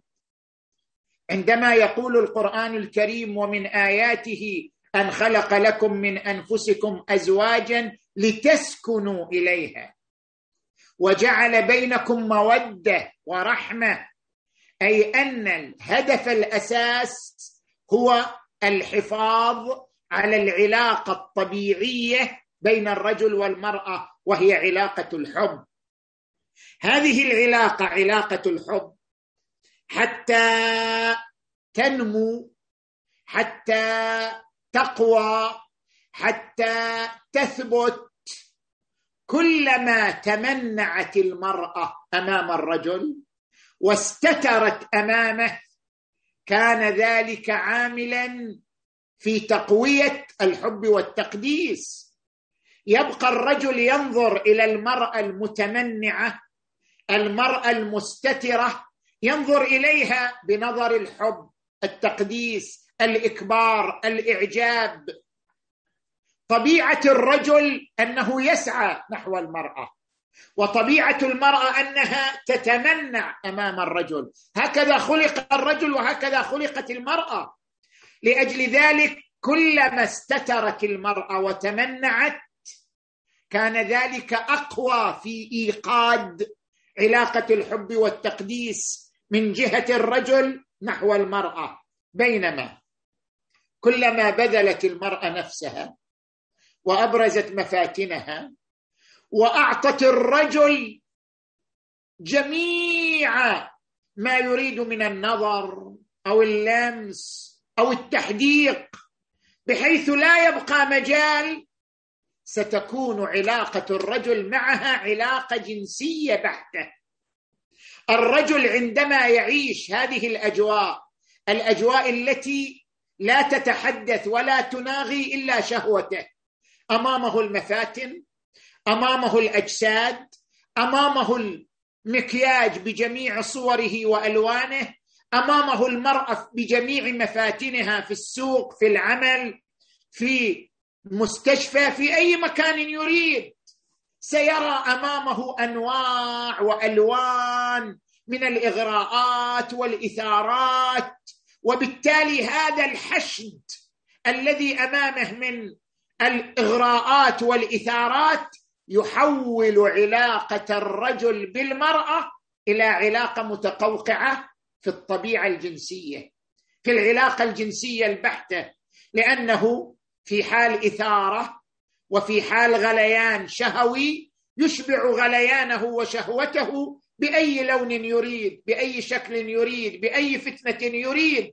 ما دام الأمر مبذولا أمامه عندما وضع الدين حاجزا سماه حجاب المرأة بمعنى أنه صان علاقة الرجل بالمرأة إلى أن تكون في إطار التقديس والإعجاب والحب لا أن تكون في إطار الجنس. الرجل يلهث والمفاتن معروضه أمامه ويشبع شهوته وغريزته متى ما أراد وبأي شكل أراد. لذلك دائما الإنسان عندما يبذل له ما يريد يزداد نهمه. نظير الإنسان عندما يشرب الماء المالح يزداد عطشا. الرجل عندما تبذل له المفاتن أمامه يعيش أسير شهوته وسجين غرائزه فلن تتحول علاقته بالمرأة إلى علاقة الحب والتقديس والإعجاب والإكبار. من هنا قد يقول الإنسان طيب لماذا أمر المرأة بالستر؟ ليش ما الرجل يتستر؟ أنتم لا تريدون علاقة شهوية وجنسية بين الرجل والمرأة فبدل أن تامروا المرأة بالستر امروا الرجل بالستر. خلي الرجل هو يلبس العباءة ويطلع. ليش المرأة اللي هي اللي تلبس العباءة؟ حتى نمنع العلاقة الشهوية والجنسية بين الجنسين والصنفين نأمر الرجل بالستر لا المرأة بالستر. لماذا المرأة؟ المرأة هي اللوحه الجميلة. المرأة هي مصدر الجمال. المرأة هي مصدر الإثارة. يعني الرجل سترنا لو ما سترنا. لن تنتهي المشكلة. المشكلة لا تنتهي بالرجل لأن ما يكون محركا مثيرا هو مفاتن المرأة وجمال المرأة. خلق الله المرأة خلق الله المرأة زينة. خلق الله المرأة موقع ولوحة جميلة زاهية. كالحديقة الجميلة. لأجل ذلك عندما يستر الرجل نفسه لن تتحرك المشكلة لن لن تتغير المشكلة. المشكلة عندما نريد أن نصون علاقة الرجل بالمرأة فلنحصر هذه العلاقة في علاقة الحب والتقديس. وهذه العلاقة إنما تكون علاقة حب وتقديس إذا رأى الرجل أن المرأة متمنعة مستترة هو يجري وراءها لا أنها تبذل نفسها ومفاتنها أمامه. هذا هو المنظور الأول. ألا وهو المنظور النفسي في مسألة حجاب المرأة. نجي إلى المنظور الأسري. المنظور الأسري كيف تقوى علاقة الزوجين؟ إحنا كنا نتحدث عن رجل وامرأة أجنبيين. رجل من الشارع وامرأة أجنبية عنه الآن نتحدث عن علاقة زوجين يجمعهما بيت الزوجية. كيف تكون علاقه العلاقة الروحية بين الزوجين؟ القرآن عندما يقول ومن آياته أن خلق لكم من أنفسكم. ما معنى من أنفسكم؟ يعني أن يشعر الرجل أن زوجته نفسه جزء منه جزء من روحه. وأن تشعر المرأة أن زوجها جزء منها جزء من روحها من أنفسكم ازواجا لتسكنوا إليها. الراحة النفسية والهدوء والاستقرار يكتسبه الزوج من زوجته وبالعكس هن لباس لكم وأنتم لباس لهن. الزوجه تحمي الزوج الزوج يحمي الزوجة. هن لباس كما أن اللباس يحمي الإنسان. من الحر من البرد. أيضا الرجل يحمي المرأة والمرأة تحمي الرجل من الانزلاق وراء الغرائز والشهوات. كما أن اللباس زينه للإنسان المرأة زينة لزوجها والزوج زينه لزوجته. كيف نحافظ على علاقة روحية بين الرجل والمرأة؟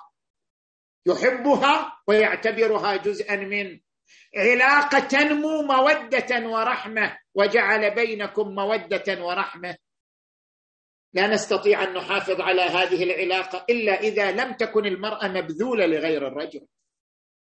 إلا إذا انحصر الاستمتاع في الزواج. أما إذا الاستمتاع مباح الاستمتاع البصري الاستمتاع السمعي الاستمتاع اللمسي الاستمتاع تبادل النظرات بين المرأة والرجل. إذا فتح باب الاستمتاع على مصراعيه ولم يحصر في إطار الزواج فإن الزوج سوف يجد للمرأة بدائل. الزوج سوف يجد لزوجته بدائل. سوف يجد أجواء متعددة يشبع فيها غريزته ونهمه بلا حاجة إلى زوجته. وبالتالي ستتحول علاقة الزوج بالزوجة إلى البرود إلى البرود وعدم الرغبة وعدم الإقبال. وعندما تتحول العلاقة بين الزوجين إلى البرود يتحول بيت الزوجية إلى سجن. الرجل يريد أن يفر منه المرأة تريد أن تفر منها. وكل منهما متى ما وجد ضح حضنا دافئا غير بيت الزوجية انتقل إليه. اذا انطلاقا من الحفاظ على الحياة الأسرية بعلاقة روحية حميمة بين الزوج والزوجة فرض الإسلام الحجاب. الحجاب يعني أن لا استمتاع بالمرأة إلا في إطار الزوجية فإن هذا الحجاب رمز لتمنع المرأة ورمز لصيانة سائر الاستمتاعات وحصرها في بيت الزوجية. المنظور الثالث والهدف الثالث الهدف التربوي من الطبيعي أن الأسرة الأبناء والبنات أن الأسرة التي تعيش بين أبوين حميمين. أبوين يعتبر كل منهما الآخر جزءا منه يحميه يعطف عليه يحن عليه. عندما يعيش الأبناء والبنات في ظل هذه الأسرة أسرة متماسكة عاطفيا أسرة متماسكة اجتماعيا أسرة تغمرها أجواء المحبة والوداد والاحترام. من الطبيعي أن يتحول الأبناء إلى أبناء منتجين مبدعين. ولكن عندما يعيش الأبناء في أسرة تعيش توتر. نتيجة إلى أن الرجل يعيش اضطرابا وقلقا لأنه يجد كل يوم ما يشبع غريزته ونهمه. والمرأة تعيش قلقا وتوترا لأنها لا تجد رجلا يعشقها و... و... ويحبها. فتعيش الأسرة أجواء من التوتر والقلق. تنعكس على تربية الأبناء وتنعكس على إنتاج الأبناء. لذلك نأتي إلى المنظور الرابع والهدف الرابع ألا وهو الهدف الاجتماعي. قيمة المرأة في عزتها. أن تكون امرأة عزيزة. وعزة المرأة في الاحتفاظ بصفتي الجمال والجلال. لا يكفي جمال بدون جلال ولا يكفي جلال بدون جمال. عزة المرأة أن تعيش جناحي الجمال والجلال. كيف يمتزج الجمال بالجلال؟ جمال المرأة جمال أنوثتها ممتزج بجلالها وعزتها وكرامتها. قيمة المرأة في عزتها وعزتها في اجتماع الجلال والجمال واجتماع الجمال والجلال من خلال ستر المرأة من خلال حجاب المرأة. لاحظوا ويل ديورانت صاحب كتاب قصة الحضارة يقول سنة التزاوج. ليش الله خلق البشر يطلبون التزاوج؟ سنة التزاوج ترجع لنزعتين أصيلتين في الرجل والمرأة. النزعه الأصيلة في الرجل الاستحواذ. يريد أن يصل إلى المرأة. والنزعه الموجوده في المرأة التدلل والتغنج.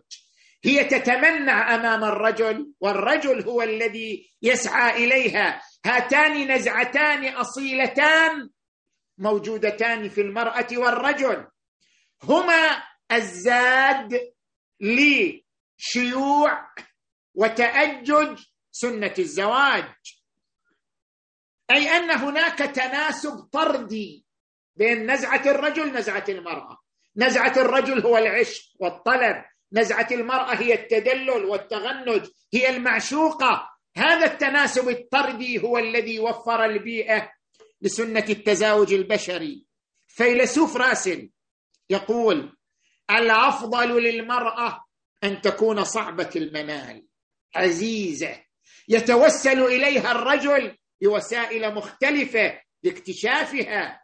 هذه العزة هذا التغنج هذا التدلل يؤكده الحجاب. الحجاب الذي يجعل علاقة المرأة مع الرجل علاقة تخضع لحواجز تخضع لقوانين. لا يمكن للرجل أن يخترق المرأة إلا إذا كان عبر عقد زواج معين. يجعل المرأة عزيزة في نظر الرجل. هي جميلة لكنها جليلة.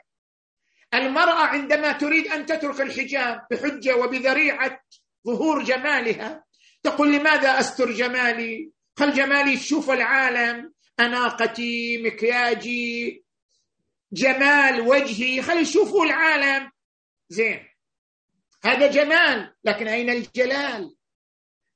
قيمة المرأة في عزتها وعزتها في اجتماع الجمال والجلال واجتماع الجمال والجلال عندما يكون الجمال محاطا بستر عندما يكون الجمال محاطا بتمنع وتدلل. يسعى الرجل إليه عبر أطر رسمية وأطر قانونية. حينئذ ستكون المرأة أقوى قيمة في الرجل. المرأة المبذولة للرجل لا يرى الرجل لها قيمة لأنه يراها سلعة كما أن المرأة سلعة في آه، المجلات في الدعايات في الإعلانات امتهنت كرامتها امتهنت شخصيتها. حتى أصبح وجه المرأة مجرد سلعة للإعلانات والدعايات والمجلات ومجلات الموضه والأزياء والإعلانات التلفزيونية وما أشبه ذلك. هذا أفقد المرأة قيمتها في نظر الرجل. أصبحت عنده مجرد مجرد سلعة يشبع من خلالها غريزته. لكن إذا أرادت المرأة أن تحفظ قيمتها فقيمتها في عزتها. وعزتها في امتزاج جمالها بجلالها وامتزاج جمالها بجلالها بهذا الستر الذي يجعل للرجل حدوده وللمرأة حدودها. بالنتيجة الحجاب رمز للعفاف. هي صحيح المرأة عفيفة كثير من الفتيات في الغرب يكتبن سؤال أسئلة لي أنا. إحنا عفيفات بعد ليش نحتاج للحجاب؟ قيمة المرأة بعفافها فإذا هي امرأة عفيفة فلماذا تحتاج إلى الحجاب؟ العفة مضمون داخلي في روح المرأة في مشاعر المرأة لكن الحجاب رمز للعفة. نحن لا نقول الحجاب يعطي المرأة عفة لا لا. قد تكون محجبة وليست عفيفة قد تكون عفيفة وليست محجبة. الحجاب رمز للعفة. كما أن الطبيب يلبس ثوب رمز لانتمائه للمؤسسة الصحية. الجندي يلبس رمز لانتمائه للمؤسسة العسكرية. المرأة تلبس الحجاب رمزا لعفتها ورمزا لتمنعها وتدللها أمام الرجل ووضع حدود له. نعم. أحسنتم سماحة السيد. أه سنأخذ مجموعة من الأسئلة في هذا الإطار عبر الزوم وعبر منصة كلوب هاوس فأتمنى من الأخوة الأعزاء في أه، منصة زوم رفع خاصية الكاف أه، لطرح الأسئلة. أه، نبدأ بمشاركة من منصة كلوب هاوس في عندنا بالانتظار الأخ عبد الله اشكناني فليتفضل. الأخ أخ عبد الله أشكناني.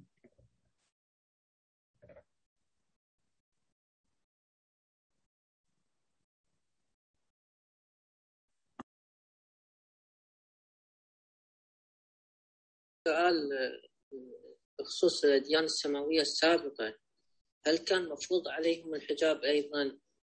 بل هذا شيء خاص في الدين الإسلامي فقط. وشكرا. أحسنتم عزيزي. لم يمر دين بدون فريضة الحجاب. لا يوجد دين ليس فيه فريضة الحجاب. ولذلك ترى أن الدول الغربية أنت الآن اطلع على أرشيف بريطانيا اطلع على أرشيف ألمانيا اطلع على أرشيف لوس أنجلوس. إذا تطلع على أرشيف الصور لبريطانيا قبل 120 سنة أرشيف الصور إلى برلين عاصمة ألمانيا قبل 120 سنة تجد أغلب النساء محجبات. إذا تأخذ أرشيف صور لروسيا أرشيف صور للصين قبل ثمانين سنة أغلب النساء محجبات. مع أنه لم لم تكن مسلمات بل كن مسيحيات يهوديات أديان أخرى. هناك نصوص موجودة من الهندوس والبوذية تنص على الحجاب إنما بأشكال مختلفة. بالنتيجة لم يمر دين على المجتمع البشري إلا وكان معه مفهوم الحجاب وإن اختلفت الصور والأشكال نتيجة اختلاف بعض المجتمعات أو اختلاف حدود الأديان. نعم. آه، جيد. آه، قبل أن نأخذ مشاركة الأخ الدكتور جواد أمين الخابوري من سلطنة عمان آه، نرجع إلى الأخ مهدي العبكري. إذا ممكن يشاركنا ببعض المداخلات والأسئلة التي وردت إلينا مسبقا.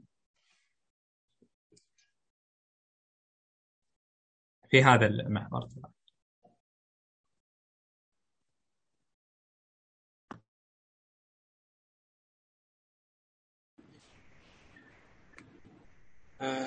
طبعا وردت أسئلة كثيرة في المحور الثاني لكن قبل أن ننتقل إليها بس سؤال مهم في المحور الأول. آه، سيدنا بالنسبة للآية الكريمة ذلك أدنى أن يعرفن فلا يؤذين. بعض المفسرين أو بعض الباحثين ذكروا أن هذه الآية مرتبطة بالإماء يعني ذلك أدنى أن يعرفن بأنهن حرائر فلا يؤذين كما تؤذى الإماء بل هناك فرق في الشريعة بين أحكام الإماء والحرائر. وكيف نفهم فلسفة الحجاب على ضوء هذا التفريق؟ المعروف فقهيا أن هناك فرقا في شكل الحجاب بين الإماء والحرائر. لأن الحرائر عفوا لأن الإماء لم يؤمرن بالحجاب. الحجاب مفروض على الحرائر والإماء. لكن شكل الحجاب يختلف بين الحرائر والإماء.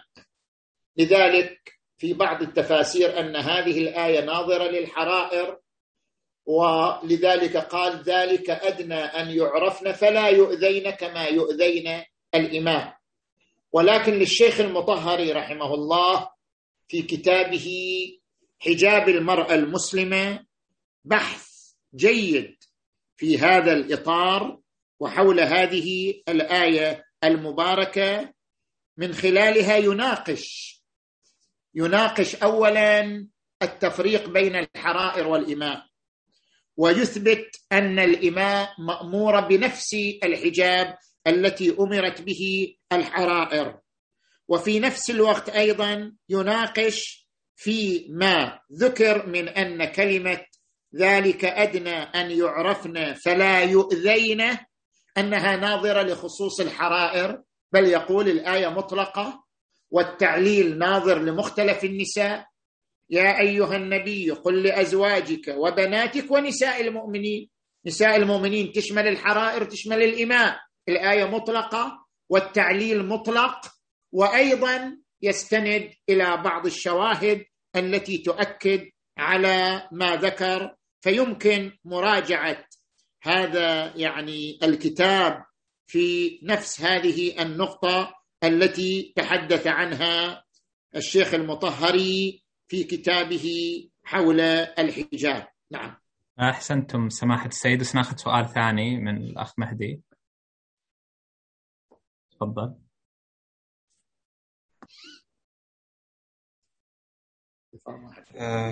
سيدنا وردت أسئلة كثيرة يعني بنفس المضمون.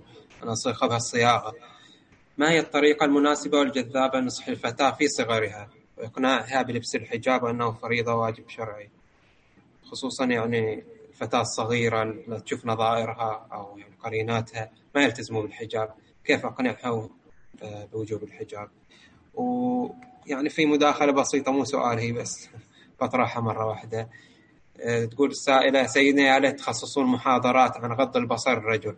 لأن الآية كما أمرت ب يعني المرأة بالستر أمرت الرجل بغض البصر. فلماذا التركيز دائما على المرأة وإهمال الرجل؟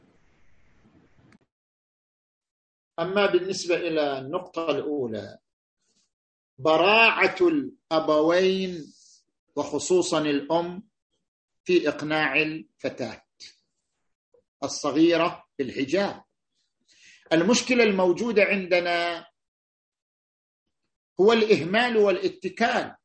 كثير من الآباء والأمهات يتكلون في إقناع بناتهن على أخواتهن على صديقاتهن على المدرسة في المدرسة. لا توجد حالة توجه من الأبوين لهذه الفتاة. عندما يكون هناك إخلاص وصدق في التربية سيكون هناك توجه. وعندما سيكون توجه من قبل الأم ومن قبل الأب نحو الفتاة وتربيتها تربية دينية قويمة حينئذ ستضطر الأم إلى أن تقرأ. تقرأ في علم الاجتماع تقرأ في علم التربية تطلع على الأساليب أساليب الإقناع لأنها تتكل على المدرسة أو تتكل على الصديقات أو الأخوات الكبار. المرأة المربية بصدق وإخلاص لابد أن تبحث عن الأساليب المقنعة لبناتها على ارتداء الحجاب. وبالتالي عندما نأتي إلى الأسلوب المقنع للفتاة تماما كما تقنع الام ابنتها بضرورة مذاكرة دروسها. كما تقنع الأم ابنتها بضرورة أن تلبس الكمام إذا خرجت من البيت من أجل المحافظة على الأجواء الصحية. اذا هي تستطيع إقناعها بضرورة الالتزام بالحجاب محافظة على عزتها وجمالها وجلالها. كما أن المرأة تستطيع إقناع ابنتها بأن الظروف الصحية اليوم تفرض على البنت أن تلبس الكمامة بأن الظروف الصحية اليوم تفرض على ابنتها أن لا تجتمع مع صديقاتها في مسبح أو في آه، مكان مختلط. أيضا هي تستطيع أن تقنع ابنتها بأن الظروف الظروف الشهوية والغريزية التي قد تحرك بعض المرضى نحو هذه الفتاة الصغيرة تفرض عليها أن تلبس الحجاب كماما يقي صحتها الدينية من أن تتعرض للخدش أو الانهيار أو الانزلاق. المرأة عندما تريد أن تقنع فتاتها بذلك بالإمكان أن تتدرج معها. تتدرج معها منذ سن السابعة. كيف تلبس الحجاب بعض الأيام؟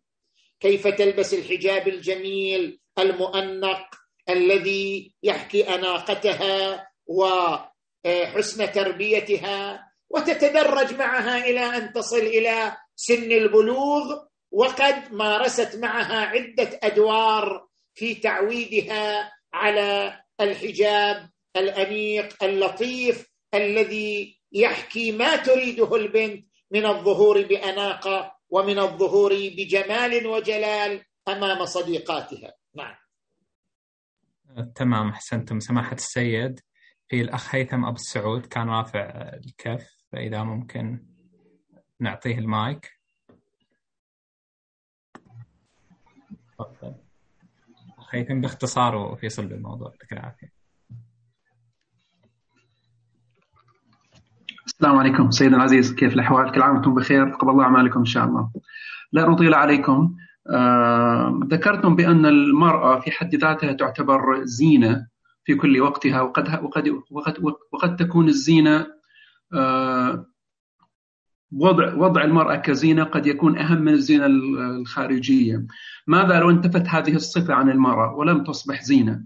هل يسقط عنها ما, ما يجب عليها؟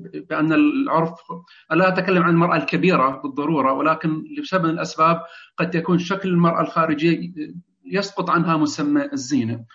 هل يسقط هل هل يسقط عنها ما, ما يجب على غيرها؟ هذا أولا. ثانيا آه، ما أدري ان أشعر بأن مفهوم الفتنة في نظر الفقهاء أوقع المرأة في نوع من الازدواجية. عندما يأتي الفقيه ويقول بأن المرأة إذا اضطرت وإذا آه، أصبح كشف الوجه والكفين مسبب من أسباب الفتنة فيجب عليها تغطيتهما. اللي يصير في مجتمعاتنا قد قد تكون المرأة في القطيف قد تلبس آه، الحجاب بشكل كامل أو قد تغطي وجهها ولكنها إذا راحت المجتمعات الغربية قد طبعا من الضرورة ما ما راح تقدر تغطي وجهها آه، بالشكل اللي ممكن تعيش فيه في المجتمع القطيفي هذا ما يمكن فيه نوع من الازدواجية. المرأة قد تشعر بنوع من نوع من الأمان في المجتمع الغربي. يعني الفتنة لا تتحقق بمفهومها ولكنها تكون موجودة في المجتمع القطيفي الشغلة الثالثة آه، لماذا ينظر إلى الرجل في هذا الموضوع وكأنه ذئب يبحث عن فريسته؟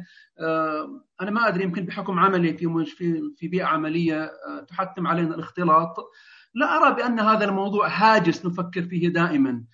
فسؤالي لماذا ينظر للرجل بهذه الطريقة؟ يعني وكأنه يبحث عن المرأة والشهوة باستمرار. صلى الله عليه وسلم. شكرا لكم. شكرا أستاذ هيثم على هذه المداخلة. تفضل سماحة السيد بالنسبة إلى النقطة الأولى التي ذكرها الأخ العزيز هيثم أبو السعود وهي أنه لو لو فرض أن المرأة خرجت أو لنتيجة لمرض لحادث معين خرجت عن كونها زينة لم لم تصبح بعد زينة فهل هذا يعني سقوط الحجاب عنها؟ نحن قلنا أن الآية شملت الزينتين.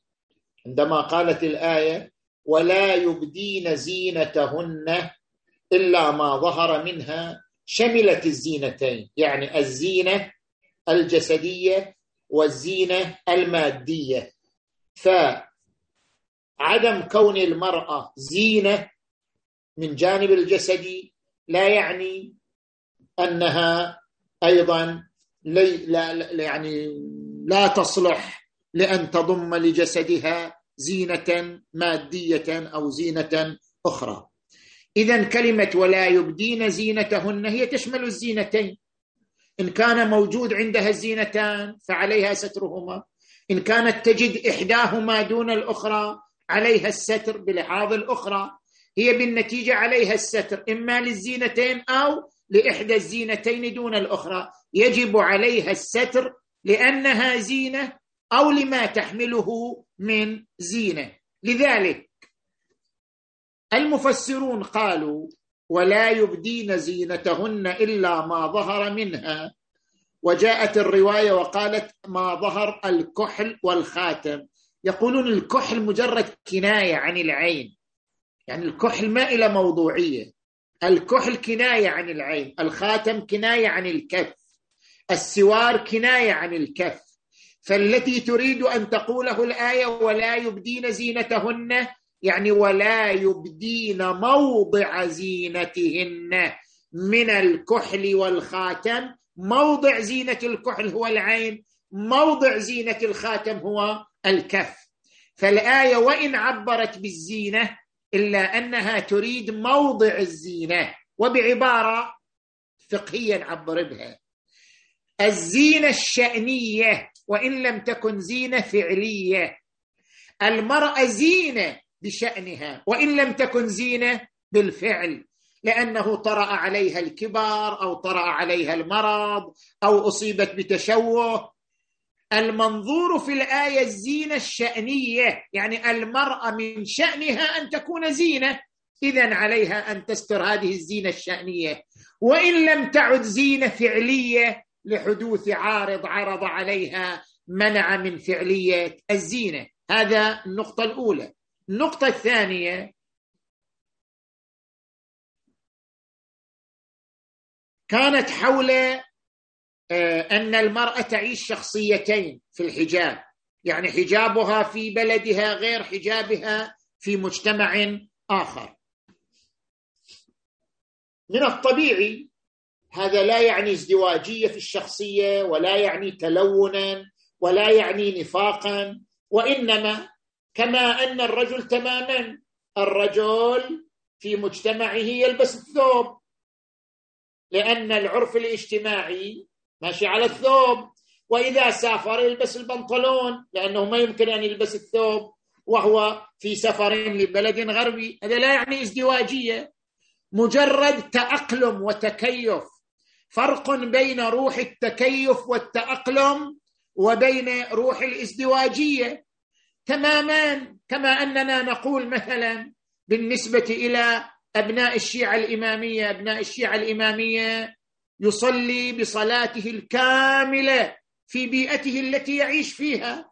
أما إذا سافر إلى مناطق فيها احتكاك بمذاهب إسلامية أخرى يمكنه المداراه يعني يمكنه التأقلم مع الجو الآخر.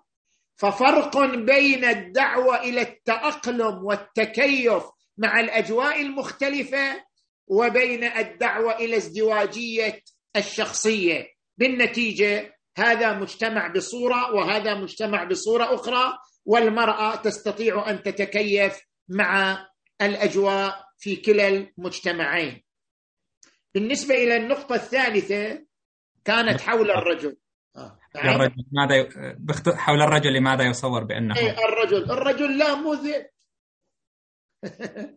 ولا ولا سبع ولا غير ذلك. ولكن الرجل كإنسان يرغب أن تكون علاقته مع المرأة علاقة حب تقديس إعجاب واحترام.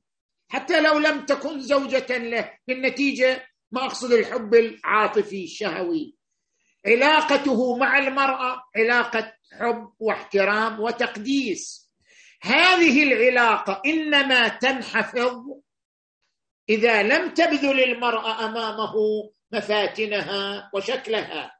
بالنتيجة إذا بذلت المرأة مفاتنها أمام الرجل إما لا علاقة له بها أو ستكون العلاقة علاقة جنس. يعني إما أن تكون المفاتن مثيرة له كإنسان. يعني إذا صار الرجل إنسان وثارت شهوته صار ذيب لما صار ذيب هو إنسان. والإنسان لديه شهوة والشهوة تثار ببعض الإغراءات وبعض المفاتن. اذا بالنتيجة إذا تمنعت المرأة أمام الرجل ووضعت حاجز وأبدت للرجل أن لديها عفافا وهذا رمز لعفافها أصبحت العلاقة علاقة احترام. عندما تبذل المرأة مفاتنها أمامه وتصبح مبذولة له في أي وقت إما هو رجل يحفظ نفسه وهذا هو المأمول من المؤمن أو تكون علاقته معها علاقة جنسية علاقة استمتاع مادي بحت. وهذا هو الذي لا يريده الدين أن يحصل بأن تكون العلاقة بهذا المستوى المنخفض. نعم. أحسنتم سماحة السيد. أنا راح أحاول أخذ ثلاث أو أربع مشاركات زيادة واستميح الأخوة يعني الأسئلة التي وصلتنا والأسئلة اللي بانتظارنا أو المشاركات اللي بالانتظار على أساس إن إحنا راح نكمل في الحلقة القادمة باقي لنستوفي يعني الموضوع من جميع جوانبه ولا يعني نهمل الجوانب المختلفة المهمة.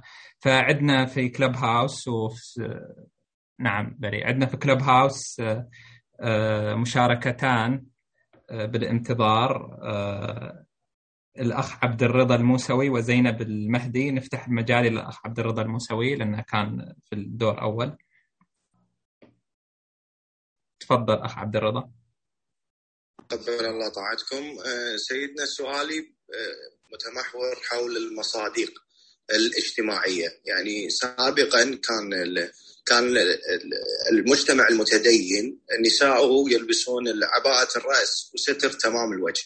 ثم تبدل هذا المصداق إلى عباءة الرأس مع الحجاب. الحجاب اللي أقصد فيه ما يقارب الشكل اللبناني بعدين تغير إلى عباءة الكتف مع الشيلة. بعدين تغير المفهوم إلى البتة الفضفاضة مع ساتر الرأس.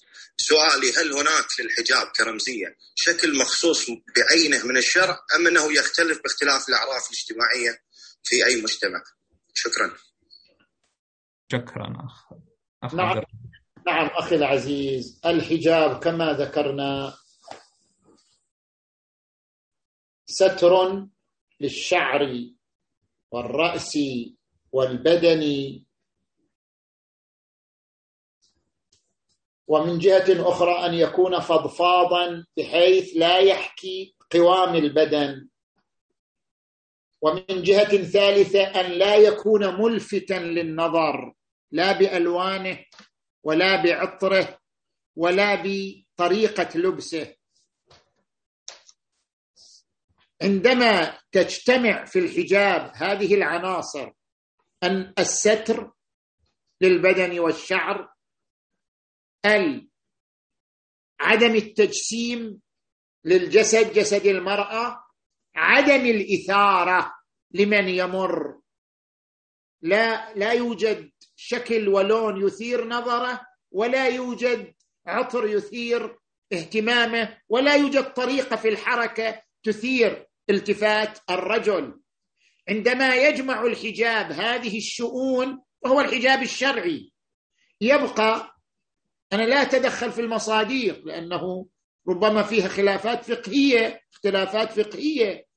عباءة الرأس أو عباءة الكتف مثلا آه، تلبس آه، آه، الشادر أو تلبس العباءة تلبس على أي حال. هناك مجتمع سوري يلبس إيش يسموه هذا؟ المجتمع السوري يلبس الحجاب على على الرأس والشعر. ويلبس اللي هو باطلون يعني من الكتف إلى ما بعد الركبتين. زين؟ وهناك المجتمع العراقي اللي يلبس العباءة وهناك المجتمع الإيراني اللي كان يلبس الشادر وهناك المجتمع الخليجي الذي يعني واقعا أنا مو مقام مدح أهل الخليج. زين؟ أفضل حجاب أفضل حجاب شرعي أفضل صورة للحجاب الشرعي ما هو موجود في مجتمعات الخليجية ومنها طبعا قطيف الأحساء والبحرين والكويت وعمان من العباءة الساترة الفضفاضة المعروفة والمعهودة. نعم. أحسنتم سماحة السيد. راح ناخذ مشاركة أخرى أيضا عبر الكلب هاوس. من الأخت زينب المهدي فلتتفضل باختصار وفي صلب الموضوع.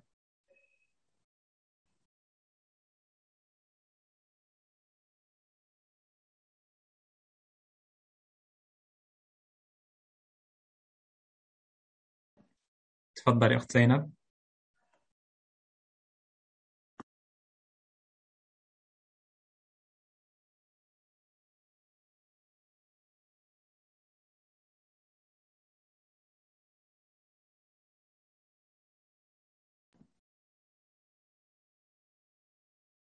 الأخت زينب.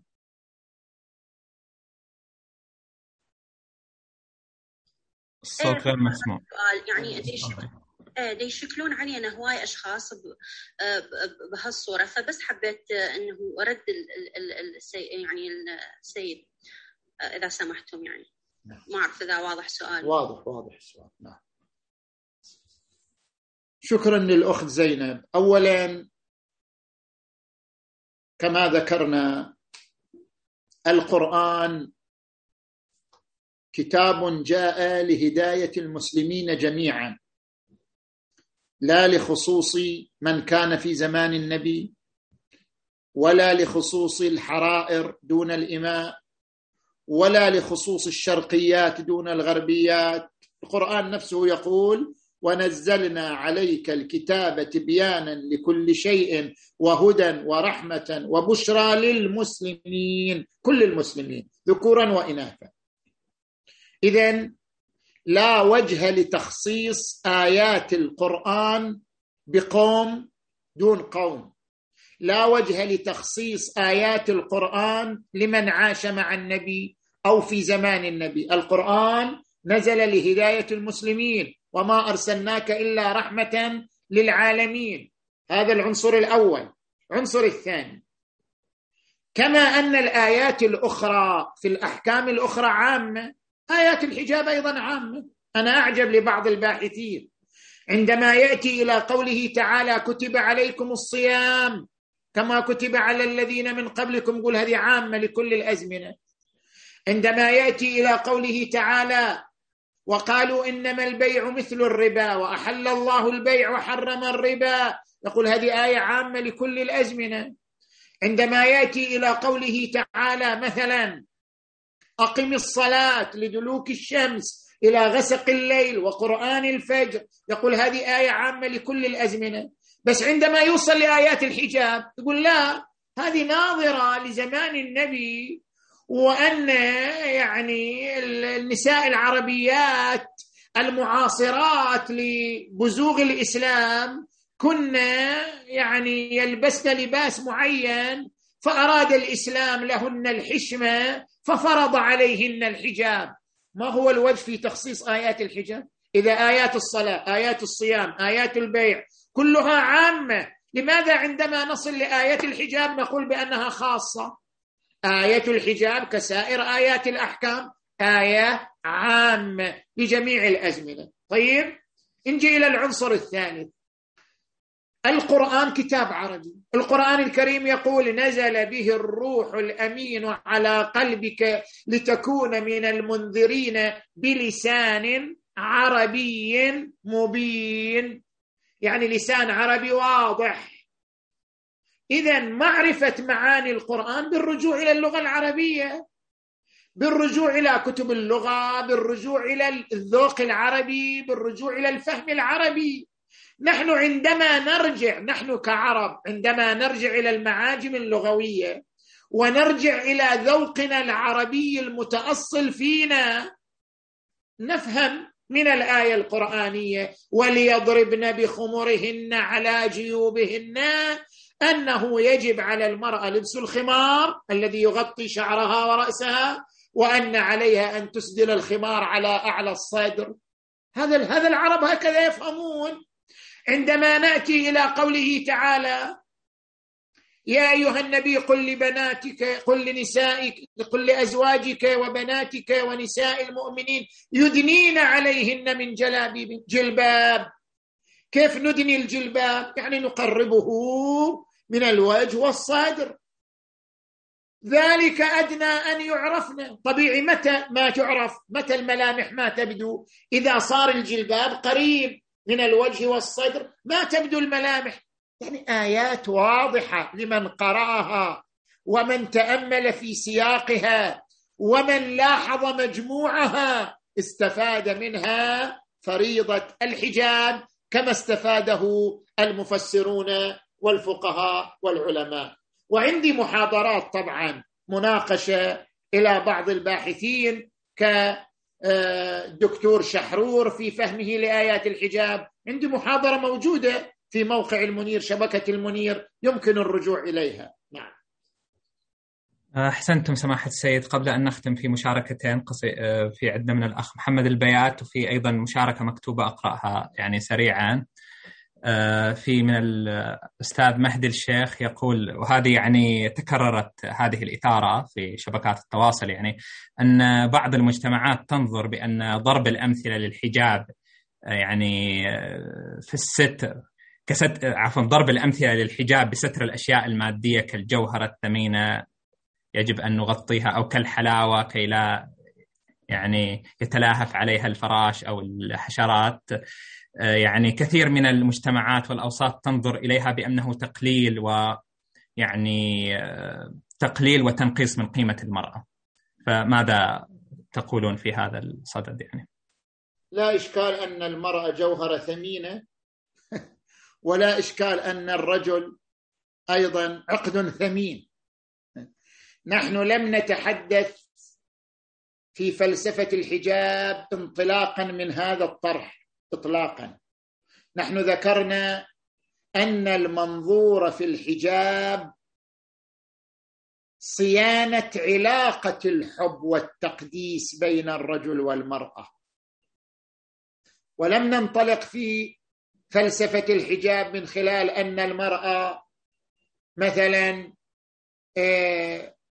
كيكة لذيذة تستر حتى لا يأتيها الذباب. هذا لا نقول به. هذا امتهان لكرامة المرأة وموقعية المرأة.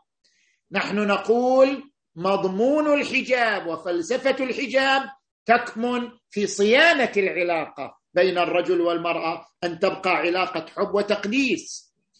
فلسفة الحجاب وعظمة الحجاب تكمن في أن تبقى المرأة عزيزة.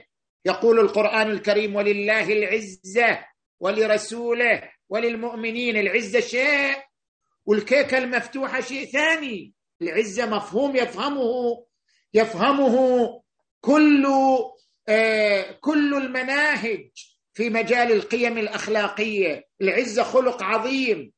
عزة المرأة في اجتماع الجلال والجمال. واجتماع الجلال والجمال بأن تبقى المرأة متمنعة. أمام الرجل وليست رخيصة ولا مبذولة. هذا ما انطلقنا من خلاله في فلسفة الحجاب. أنتم سماحة السيد نأخذ مشاركة أخيرة من الأخ محمد البيات. فليتفضل يعني وباختصار. تفضل السلام عليكم سيدنا. سيدنا بالنسبة إذا كان في موجود مثلا قوانين منع التحرش أو أو حماية المرأة فهل فهل ينتفي الحجاب إذا وجد ال... إذا وجدت هالقوانين لحماية المرأة؟ نرجع إلى نفس المناقشة اللي تحدثنا فيها مع الأخ هيثم. هذه صديقة نرجع إلى نفس المناقشة اللي تحدثنا فيها مع الأخ هيثم أبو السعود. الرجل ليس ذئب حتى نقول إذا سجنا الرجل إذا شرعنا القوانين التي تمنع التحرش وتمنع اعتداء الرجل على المرأة وتمنع مثلا امتهان الرجل للمرأة فلا يبقى مورد للحجاب ولا يبقى موضوع للحجاب. الآن في الغرب توجد قوانين تمنع التحرش تمنع اعتداء الرجل على المرأة تمنع امتهان الرجل للمرأة ولكن ما زالت في الغرب إلى الآن تقارير سنوية عن جرائم الاغتصاب وعن جرائم الاعتداء. إذا مجرد وجود القانون حتى مع الحزم في تطبيق القانون لن يمنع بعض مرضى النفوس من أن يقوم ببعض الجرائم. هذا اولا. ثانيا قلنا أن المنطلق في فلسفة الحجاب ليس هو منع شره الرجل ومنع تحرش الرجل. صيانة العلاقة الجميلة بين الرجل والمرأة أن تكون علاقة تقديس وإعجاب لا علاقة شره وإقبال. فلسفة الحجاب أن تبقى هكذا. الرجل عندما تكون المرأة أمامه حتى لو كان ممنوعا يتحرش بها وأن يعتدي عليها.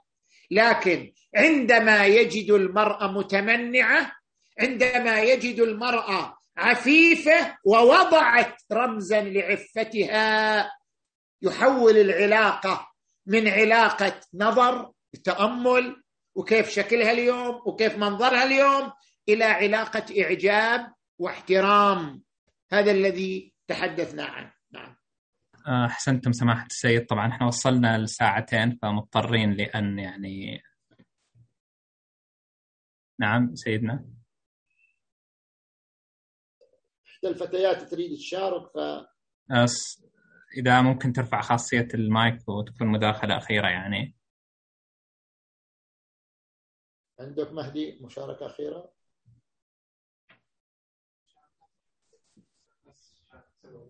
ها؟ آه، طيب بس عجل في آه، طلب مشاركة من الدكتور محمد آل هويدي راح أطرح آه، مداخلته الكتبية على أساس هي متعلقة بما ذكرتم. نعم. فأقرأها سريعا وتعلقون عليها ونختم حتى لا نرجعها الأسبوع القادم يعني. سؤال موجه لكم سماحة السيد. أرجو أن إيه. ما تفضلتم به صحيح في الأغلب ولكي يصل الإنسان إلى مرحلة لا يفكر ولكن يصل الإنسان إلى مرحلة لا يفكر اطلاقا في الشهوات في الشهوات الجنسية ولا ينظر للمرأة على أنها مجرد أداة جنسية بل ينظر إليها ككيان آه، ومخلوق مكرم وهذا ما يحاول أن يريد أن يربينا عليه الدين الإسلامي الحنيف. أن نصل لهذه المرحلة من السمو والبعد عن الشهوات الغريزية حتى لا نختلف عن البهيمة. أو عفوا حتى حتى لا نختلف عن البهيمة. حتى نعم. مثلا الجامعات الأمريكية تطرد أي طالب أو طالبة يتجاوز حدوده أو يتحرش بالطرف الآخر وأي مخالف يطرد حاليا من الجامعة. وهذا أول أول كورس أو أول درس يجب أن يحضره كل طالب وموظف. هناك قوانين رادعة تحمي الجميع لماذا لا تسن قوانين تحمي النساء من التحرش بغض النظر عما تلبس؟ آه، الناس بما فيهم النساء ليسوا مكرهين على الدين ونحن علينا أن نتعايش مع هؤلاء بأمر قرآني. ولماذا لا يحتوي المجتمع هذه الشرائع كما احتوى الرسول صلى الله عليه وآله كل مختلف وأعطاه حقوقه؟ مثلا هو لم يفرض الزكاة على غير المسلمين ولكن فرض عليهم الجزية لأجل حمايتهم واحتوائهم وإعطائهم آه، حقوقهم كاملة. لا ننكر أن على المرأة المؤمنة أن تلتزم باللباس المحتشم بل حتى الرجل ولكن كيف نتعامل مع من يخالف الدين والعرف؟ هل نقصيه ونفضحه ونشهر به أم نحتويه ونقبله؟ آه، يعني وباختصار لما دائما تلام المرأة في المرتبة الأولى؟ لماذا لا يشار بإصبع الاتهام للرجل؟ وذلك لأن القرآن ذكر الاثنين ولم يختص النساء. يعني باختصار سيدنا إذا جاء السؤال طويلا فلا يمكن أن يكون الجواب قصيرا. نعم. أولا نحن قلنا بأن مجرد تشريع القوانين الحازمة لا يكفي في تحقيق أهداف الحجاب.